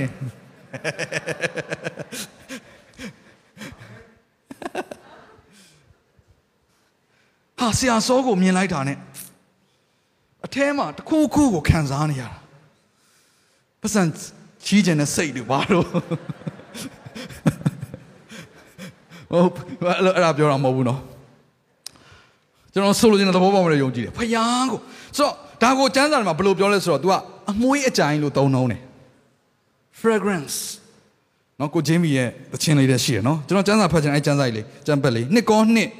14နှစ်ကောနှစ်14ငါတို့သည်ခရစ်တော်နှင့်အတူအောင်ပွဲကိုအစဉ်ခံစေခြင်းက၎င်းထိုသခင်ကိုတည်ခြင်းဤအမွှေးအကြိုင်သည် ငါတို့အားဖြင့်အရရတုံနိုင်နှံ့ပြားစေခြင်းကပြုတော်မူသောဘုရားသခင်ဂျေဇုတော်ကိုချီးမွမ်းခြင်းရှိစေတည်းကြည့်ဒီမှာ knowledge of Jesus လို့ခေါ်တယ်ယေရှုခရစ်တော်ကိုတည်ခြင်းအမွှေးကြိုင်စောစောပြောတဲ့ဉာဏ်ပညာဆောဆောကပြောတဲ့ spiritual knowledge ဆောဆောကဒီမှာအစစ်မှာပါခဲ့တဲ့ဒုတိယအစစ်မှာပါခဲ့တဲ့ပညာအဲ့ဒါရဲ့အမွှေးတိုင်းနဲ့ဘယ်ကထွက်နေလာတယ်အဲ့ဆောဆောကဒုက္ခဆင်းရဲတွေ self control တွေကိုကြော်ဖြတ်ပြီးသွားရင်ထွက်နေပြီပေါ့ အဲ့တော့အားလုံးကစဝိုင်းနေဖြစ်တယ်အားလုံးကပန်းသီးတွေဖြစ်တော့ကြောင်းမလို့ပန်းသီးတော့ပန်းသီးပဲဒါပေမဲ့နည်းနည်းသေးနေသေးတယ်နော်တိတ်တော့ self control တော့မလုပ်နိုင်သေးဘူးဒါပေမဲ့လှုပ်တော့လှုပ်နေတယ်တရပိတရကြီးထွားလာမှာအာမင်စဝိုင်းတော့စဝိုင်းတော့နည်းနည်းသေးနေသေးတယ်နည်းနည်းသေးနေသေးတယ်ဒါပေမဲ့အဲ့စဝိုင်းကတဖြည်းဖြည်းနဲ့ကြီးလာတော့မှာဘယ်အထိလဲဘုရားသခင်နဲ့တူတဲ့အထိဟာလေလုယာတော့ယေရှုခရစ်တော်ရဲ့ suffering ပေါ့နော်သူရဲ့ ဒုက္ခဆင်းရဲခံခြင်းဟာအံ့ဩစရာပဲသူဒုက္ခဆင်းရဲခံတာဘသူအတွက်ခံတာတော့သူ့ကိုပြစ်မှားတဲ့သူတွေအတွက်ခံတာဆူတောင်တောင်းပေးသွားသေးတဲ့အဆိုးဆုံးချိန်တွေမှာသူတို့ရဲ့အပြစ်ကိုခွင့်လွတ်ပါမှတ်တော်မူမူပါနဲ့မသိလို့လုံနေတာသူတို့ဘယ်နှယောက်ကကိုယ့်ကိုတတ်နေတဲ့ရန်သူအတွက်ကောင်းကြီးပေးဆုတောင်းနိုင်လဲမတောင်းနိုင်ပါဘူးကျွန်တော်သိတယ်ပို့စေကြည့်လိုက်တာနဲ့ဆုတောင်းတဲ့ပို့တစ်ခုမှမတွေ့ဘူးဆဲတာလေးကြီးပဲမလုံနိုင်ပါဘူး ဒါပေမဲ့တချို့ကမဆဲဘူးအဲစက်ဝိုင်းနေနေကြီးတယ် self control လုပ်နိုင်တယ်ဆိုတော့ကျွန်တော်ပြောဖို့မေ့သွားတယ်သူကရှာတယ်မကဘူး Facebook ပါမှာ self control လုပ်ရမယ်တခုထပ်ထည့်ရမယ်နော် physical ရဲ့ thoughts ရဲ့အတွေးခေါ်ရဲ့နောက်တစ်ခုကဘာလဲရှာရဲ့နောက်တစ်ခုက Facebook ရဲ့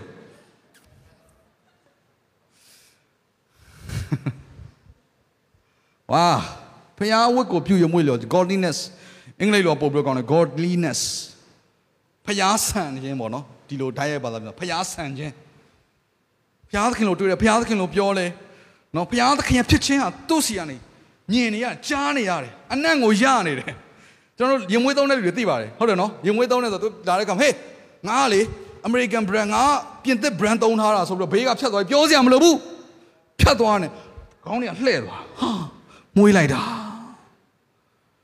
အဲ့ဒါ ရင်မွေးရဲ့အရသာပဲနောက်တစ်ခုအဲ့ဒီအမွေးအနှံ့ကိုကိုကရဘူးတဲ့ဆိုရင်အတိတ်ကိုပြန်ရောက်သွားတယ်ကြုံဘူးလားမသိဘူးမှတ်မိတယ်အရင်တော့ဟာလေအဲအရင်တော့ရည်စားကိုပြန်မှတ်မိတာတို့အရင်တော့ကိုနေခဲ့တဲ့ရက်ွက်တို့နော်တစ်ပင်တို့လမ်းတို့အချိန်တွေပြန်မှတ်မိတာဘယ်ကမှတ်မိတာလဲအဲ့ဒီအမွေးရနံလေးကကျွန်တော်လူတွေကကိုယ့်ကိုမြင်တဲ့အခါမှာ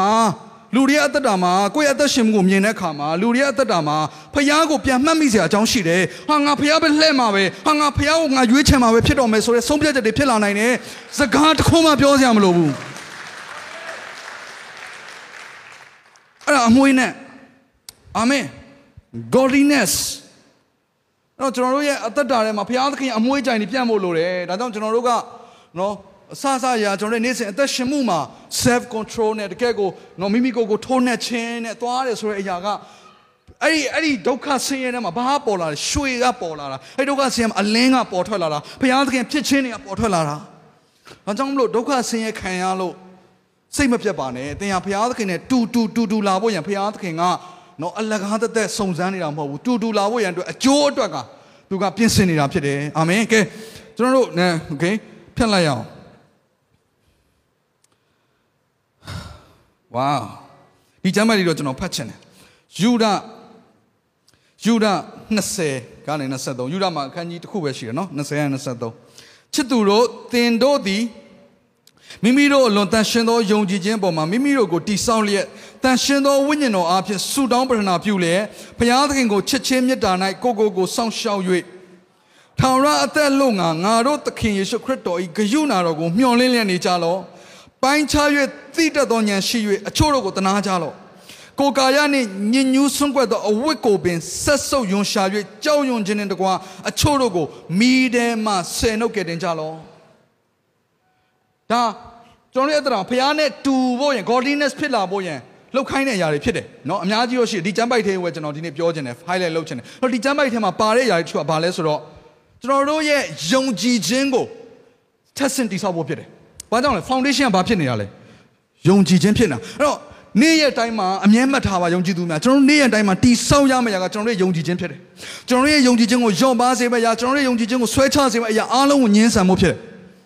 ။အဲ့ယုံကြည်ခြင်းသင်္ဘောဖြစ်တာနဲ့သွားပြီ။ဟယ်လိုဘာကြောင့်လဲအဲ့ဒီယုံကြည်ခြင်းကိုတိဆောက်ပါနံပါတ်1ချက်နေ့ရက်တိုင်းမှာနော် build up your most holy faith နံပါတ်2ချက်အဲ့ဒါမှလည်းဆိုတော့ဝိညာဉ်တော်ထဲမှာဆုတောင်းပါဆုတောင်းပါ အရှင်တော်ဝိညာဉ်တော်ထဲမှာဆုတောင်းခြင်းဟာကျွန်တော်တို့ရဲ့အတွင်းလူကိုခိုင်ခန့်စေတယ်ဟာလေလုယာအတွင်းလူကကြီးထွားစေတယ်ဘုရားသခင်သဘောသဘာဝကျွန်တော်တို့ကစီးထွက်စေတယ်နံပါတ်3ချက်အဲ့ဒါပါလဲဆိုတော့ကျွန်တော်တို့ရဲ့အသက်တာကိုဘုရားရဲ့မေတ္တာထဲမှာပဲထားပါဆက်လျှောက်ပါဘုရားရဲ့မေတ္တာထဲမှာနေ့စဉ်လျှောက်လန်းပါဘယ်တော့မှတန်တရားမရှိနဲ့ဘုရားရဲ့မေတ္တာအဲ့ဒါအမြဲသိဖို့လိုတယ်ဘုရားကသင်ကောင်းတဲ့ຢာကိုလုံးမချစ်တာမဟုတ်ဘူးသင်ရဲ့ဖြစ်ခြင်းအမှန်တိုင်းဘုရားချစ်တယ် ဒါကြောင့်ဘုရားရဲ့မေတ္တာကိုဘယ်တော့မှတန်တရားမရှိနဲ့အာမင်အဲ့တော့ဒီအချက်၃ချက်ကဒီအချက်၃ချက်ကသင်ရဲ့အသက်တာထဲမှာဘုရားသခင်နဲ့တူလာဖို့ရန်ကူညီပေးတဲ့ຢာတွေဖြစ်တယ်ဘာအဖြစ်ဆိုစောစောကကျွန်တော်ဖတ်တဲ့ကျမ်းပါအဖြစ်ကဲနံပါတ်6ဆင့်အဲ့ဒါဘာလဲဆိုတော့ညီအကိုစုံမက်ခြင်း brotherly kindness စောစောကလည်းကျွန်တော်ပြောခဲ့ပါပြီညီအကိုဆိုတာဘသူကိုပြောတာလဲရှေးဦးယုံကြည်သူတွေကယုံကြည်သူအချင်းချင်းကိုဘယ်လိုပဲခေါ်ဆိုတော့ brother လို့ပဲခေါ်တယ်ကျမ်းစာကိုဖတ်ကြည့်လိုက် ညီကိုတို့ညီကိုတို့ဒါကြောင့်မို့အခုဆိုရင်ဒါ brethren church ဆိုတာဒါကိုအစွဲပြုပြီးတော့ brethren church လောက်ထားတာနော်ညီကိုများအသင်းတော်ဆိုတာဘာကြောင့်လဲရှေးဦးယုံကြည်သူတွေကသူအချင်းချင်းကညီကိုမောင်နှမလို့သူကသွားတာနော်မိန်းကလေးဆိုတာမောင်နှမပေါ့နော်ညီကိုချင်းယောက်ျားလေးဆိုညီကိုချင်းချင်းပေါ့ညီကိုချင်းချင်းဒါဆိုရင်ကျွန်တော်တို့ရဲ့အသက်တာမှာချစ်ဖို့ဆိုတဲ့ practice လုပ်ရမယ့်အရာကဘယ်မှာပဲရှိလဲဆိုရင်ကျွန်တော်ပြောမယ်အသင်းတော်ထဲမှာပဲရှိတယ် အဝေးကြီးကလူတွေသွားပြီးတော့အရန်နေချစ်ပြမနေနဲ့ဘူးအရင်ဆုံးကိုဘေးကလူကိုအရင်ချစ်ကြည့်အဲ့ဒါပဲကိုကိုပြောင်လက်စေမှာကိုကိုချောမွေးစေမှာကိုဘေးနားမှာရှိတဲ့ကြောက်တုံးဖြစ်ပါတယ်အာမင်ဒါကြောင့်မလို့အဲ့ဒီຢာကိုမမေ့နဲ့အသင်းတော်ဆိုတာက body တစ်ခုတည်းတယောက်ကိုတယောက် logo လိုနေမှာပဲတယောက်တည်းအသက်ရှင်လို့မရဘူးယုံကြည်သူဆိုတာအာမင်အမှုတော်ဆောင်တွေတယောက်နဲ့တယောက်လိုအပ်နေမှာပဲအသင်းတော်တွေအသင်းတော်တစ်ပါးနဲ့တစ်ပါးလိုအပ်နေမှာပဲအာမင်အာမင် ဒါကြောင့်မလို့ငါကတော့မလိုဘူးဘယ်သူမှမလိုဘူးရတယ်ငါနဲ့ဖရားနဲ့ပဲသွားမယ်ဆိုရင်လွဲပြီသင်အသက်တာသည်ဖရားခင်အသုံးပြုလို့ရတဲ့ချောမော့သောကြောက်တုံးဖြစ်ပေါ်လာမှာမဟုတ်တော့ဘူးဒါကိုသဘောပေါက်တယ်ဒါကိုသဘောဒါကိုသဘောပေါက်ဖို့လိုတယ်နော်ဒါကြောင့်မလို့ညှော်လင့်ထားမယ့်ຢာတစ်ခုလည်းရှိတယ်ကိုယ့်ကိုဒုက္ခပေးမဲ့လူအဝေးကြီးကလူမဟုတ်ဘူးဘယ်သူပဲလဲကိုယ်ဘေးနာကလူတောင်ဘိတ်ကဆာလန်ချမ်းထဲမှာဘယ်လိုရေးလဲဆိုတော့ဆာလန်55ထဲမှာငါ့ကိုကဲ့ရဲ့တော်သူသည်ငါရန်သူမဟုတ်တဲ့ဟုတ်လျင်သီးခံနိုင်၏တဲ့ ငါ့ကိုရံဖက်ပြုတော်သူသည်ငါ့ကိုမုန်းတော်သူမဟုတ်ဟုတ်လင်ထိုလူကိုငါရှောင်နိုင်၏တဲ့ထိုတော့ထိုတော့ပြုတော်သူသည်တင်ဖြစ်၏ငါနဲ့ဖက်တော်သူငါမိတ်ဆွေငါအတိအကျွမ်းဖြစ်၏အချင်းချင်းตาရသောဆွေးနွေးတိုင်ပင်ခြင်းကိုပြုကြပြီးဘုရားသခင်အိမ်တော်သို့လူစုဝေးနှင့်အတူသွားကြပြီ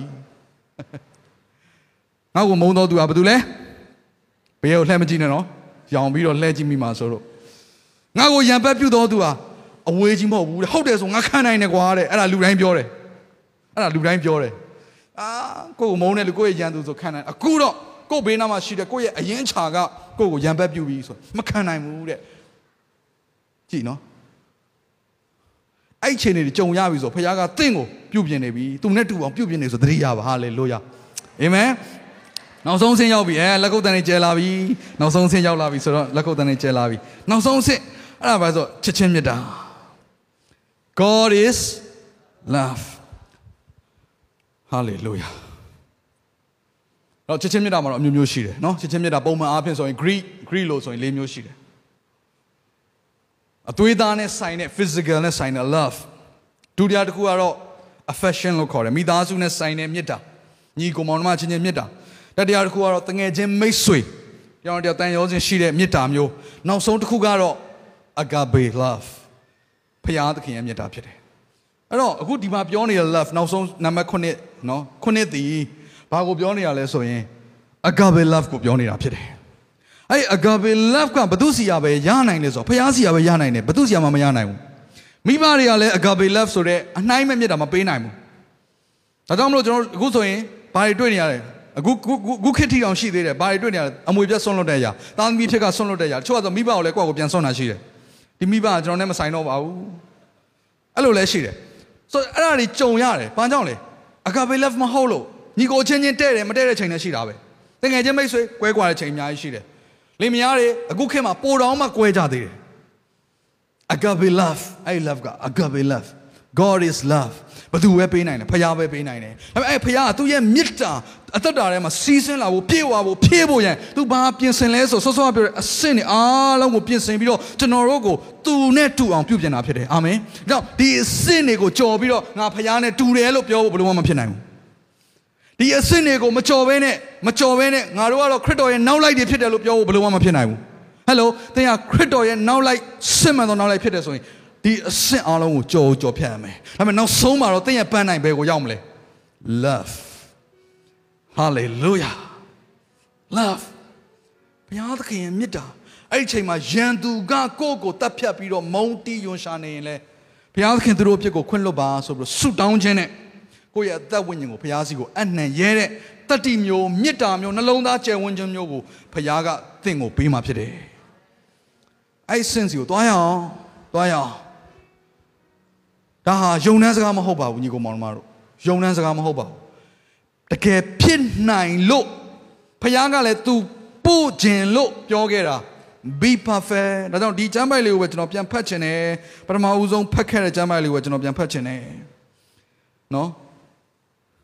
မဿဲ9:48ပဲဖြစ်တယ်ထို့ကြောင့်ကောင်းကင်ဘုံ၌ရှိတော်မူသောသင်တို့အပသည်စုံလင်တော်မူသည့်ဤသူသင်တို့သည်လည်းစုံလင်ခြင်းရှိကြလော့အာမင် အာမင်ကဲအားလုံးဒီနေ့ဆုံးဖြတ်ချက်ချပါဒီဆုံးဖြတ်ချက်ချပါဒီနေ့တရားဟောချက်လေးကတော့မစိုးပါဘူးကောင်းတယ်ခွန်အားရတယ်အငါအတွက်လမ်းဆန်းသွားတယ်အဲ့လောက်ဝင်မလုံးနဲ့ဆုံးဖြတ်ချက်ချပါဘာဆုံးဖြတ်ချက်လဲအဲ့လေကားထစ်တဲ့ငါတက်မယ်အာမင်တက်မယ်ငါတက်မယ်ခရစ်တော်နဲ့တူတဲ့အထိငါသွားမယ်အဲ့ပန်းတုံးတိုင်းငါသွားမယ်နောက်ကရတယ်ကိုငါမကြည့်တော့ဘူးငါသွားမယ်ဆုံးဖြတ်ချက်ချပါကဲတင်ဆုံးဖြတ်ချက်မချနိုင်ဘူးအဲ့လမ်းကြောင်းကိုမသွားနိုင်ဘူးဆိုရင်တန်းစာကအဖြေတစ်ခါတည်းပေးထားတယ်ပြီးပြီဆိုပြီးမပြီးသေးဘူးကြည်ဟုတ် နှစ်ပေတစ်မှာပဲဆက်ဖတ်မယ်ရှစ်ကနေ30နော်အကြောင်းမူကားထိုပါရမီတို့သည်တင်တို့၌ရှိ၍ကျွယ်ဝလျင်စောစောခုနှစ်ခုနော်စောစောခုနှစ်ခုကျွန်တော်ပြောခဲ့ခုနှစ်ခုအာပါရမီထိုပါရမီလို့သုံးထားတယ်အကြောင်းမူကားထိုပါရမီတို့သည်တင်တို့၌ရှိ၍ကျွယ်ဝလျင်ငါတို့သခင်ယေရှုခရစ်ကိုတည်ကျွမ်းခြင်း၌မပြင်းမရည်စေခြင်းက၎င်းအကျိုးမဲ့မဖြစ်စေခြင်းက၎င်းပြုပြင်တတ်ကြ၏ ထိုပါရမီနှင့်ကင်းသောသူမူကားဆော့ဆော့ပြောတဲ့ခုနှစ်စင့်ကိုမလျှောက်ချင်တဲ့လူတွေမလှုပ်ချင်တဲ့သူတွေနော်မသွားချင်တဲ့သူတွေစိတ်မဝင်စားတဲ့သူတွေအဲ့လမ်းကိုမလျှောက်သောသူတွေအဲ့ဒါထိုပါရမီနှင့်ကင်းသောသူများမျက်စိကန်းဤကိုမျက်စိကိုကိုပိတ်ဘုရားလာပိတ်တာလားဘေးရလူလာပိတ်တာလားကိုကိုယ်တိုင်ပိတ်တာမိမိအပြစ်ဟောင်းစေးကြောကြောင်းကိုမေ့လျော်ဤကျွန်တော်ပြောမယ်မယုံကြည်သူတွေကိုပြောနေတာမဟုတ်ဘူးဒီချမ်းပိုက်ကယုံကြည်သူတွေကိုပြောနေတာ မျက်စိကန်းသောသူတွေဖြစ်သွားလိမ့်မယ်တဲ့အကျိုးမဲ့ဖြစ်သွားလိမ့်မယ်တဲ့ကိုမျက်စိကိုကိုပိတ်တဲ့လူဖြစ်သွားလိမ့်မယ်တဲ့ကိုရဲ့အပြစ်ကိုဖျားဆေးကြောခဲ့တဲ့ဆိုမေ့သွားလိမ့်မယ်တဲ့ထို့ကြောင့်ညီအကိုတို့သင်တို့ခံရသောခေါ်တော်မူခြင်းနှင့်ရွေးချယ်တော်မူခြင်းကိုတည်မြဲစေခြင်းကတာ၍စ조사အားထုတ်ကြလောတို့ပြုလျင်ရွေးလျော့ခြင်းနှင့်အစဉ်ကင်းလွတ်တတ်သည်ဖြစ်၍ကျွန်တော်ဒီလောက်နဲ့ပဲဆုံးသက်လိုက်မယ်ခဏလောက်မတည့်ရအောင်ကျွန်တော်ယုံကြည်သူအသက်တာက ခကြီးလန်းဖြစ်တယ်ဆိုတော့သိပါသွားမယ်ပန်းတိုင်ရှိတယ်ဆိုတာကိုလည်းနားလဲပါအကြောင်းမလို့ငါနေ့ရက်တိုင်းမှာဘလို့သက်ရှင်ရမလဲဆိုရောင်ဝမ်းဝါဖြစ်တဲ့ယုံကြည်သူများမဖြစ်ဘဲနဲ့မိမိမျက်စိကိုမြင်မြင်ပိတ်သက်သောပိတ်သောသူတွေမဖြစ်စေဘဲနဲ့ဒီနေ့ငါသွားမယ်ခရစ်တော်နဲ့တူတဲ့အထိကြီးရင်တဲ့ပမာဏစီကိုငါတက်လန်းမယ်ငါအားနေချက်ရှိနေတယ်ဒါပေမဲ့ငါဟာစဝိုင်းလေးပဲငါဟာပန်းသီးသေးသေးလေးပဲဒါပေမဲ့ငါတရက်မှာတစ်နေ့မှာတကယ့်ကို fully grown တကယ့်ကိုအပြည့်အဝကြီးရင်သော အသက်တာဖြစ်လာဖို့ဘုရားငါ့ကိုဆွဲခေါ်မယ်ဆိုတာကိုယုံကြည်လျက်အာမင်အာမင်အဘယ်သူငါယုံကြည်လဲဆိုတော့ငါသိတယ်ဟာလေလုယာအဲ့ဒါကိုကိုဝန်ခံစားမှနေ့ရက်တိုင်းမှာငါဘယ်သူကိုယုံလဲဆိုတော့ငါသိတယ်တရင်ဆိုးတွေကြရင်ငါဘယ်သူကိုယုံလဲဆိုတော့ငါသိတယ်ငါ့ကိုကယ်နိုင်တဲ့ဘုရားဖြစ်တယ်ဟာလေလုယာငါအကျိုးအတွက်ပြုပြင်နေတဲ့ဘုရားဖြစ်တယ်ဒါကိုယုံကြည်ပြီးတော့အသက်တာများကိုစက္ကန့်နေတာ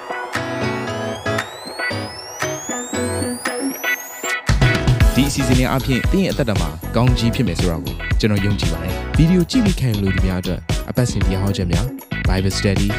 ကြီးမွန်ကိုယ်ွယ်ခြင်းနဲ့အခြားသောအကြောင်းအရာတွေဟာတင်းအတွက်အဆင်ပြေရှိနေပါတယ် YouTube မှာ The City Space TV လို့ရိုက်ထည့်လိုက်တဲ့အခါကျွန်တော်တို့ကိုတွေ့ရှိမှာဖြစ်ပါတယ် Subscribe လုပ်ခြင်းအပြင်တင်းနဲ့ထက်ချက်မကွာအမြင်ရှိနေပါဦးဒါအပြင် Facebook မှာလည်း The City ရန်ကုန်လို့ရိုက်ထည့်လိုက်တဲ့အခါတည်င်းအချက်အလက်နဲ့ poster တွေကိုအချိန်နဲ့တပြေးညီတွေ့ရှိအောင်မှာဖြစ်ပါတယ်ခင်ဗျာ The City Podcast ကိုနားထောင်ကြတိုင်းဖျားသခင်ရဲ့ထူကြသောဖွင့်ပြချက်နဲ့ကောင်းကြီးမင်္ဂလာများခံစားမိကြောင်းကျွန်တော်ဆုတောင်းရင်ဒီ season လေးကိုဒီမှာပဲညံ့နာပါရစေခင်ဗျာ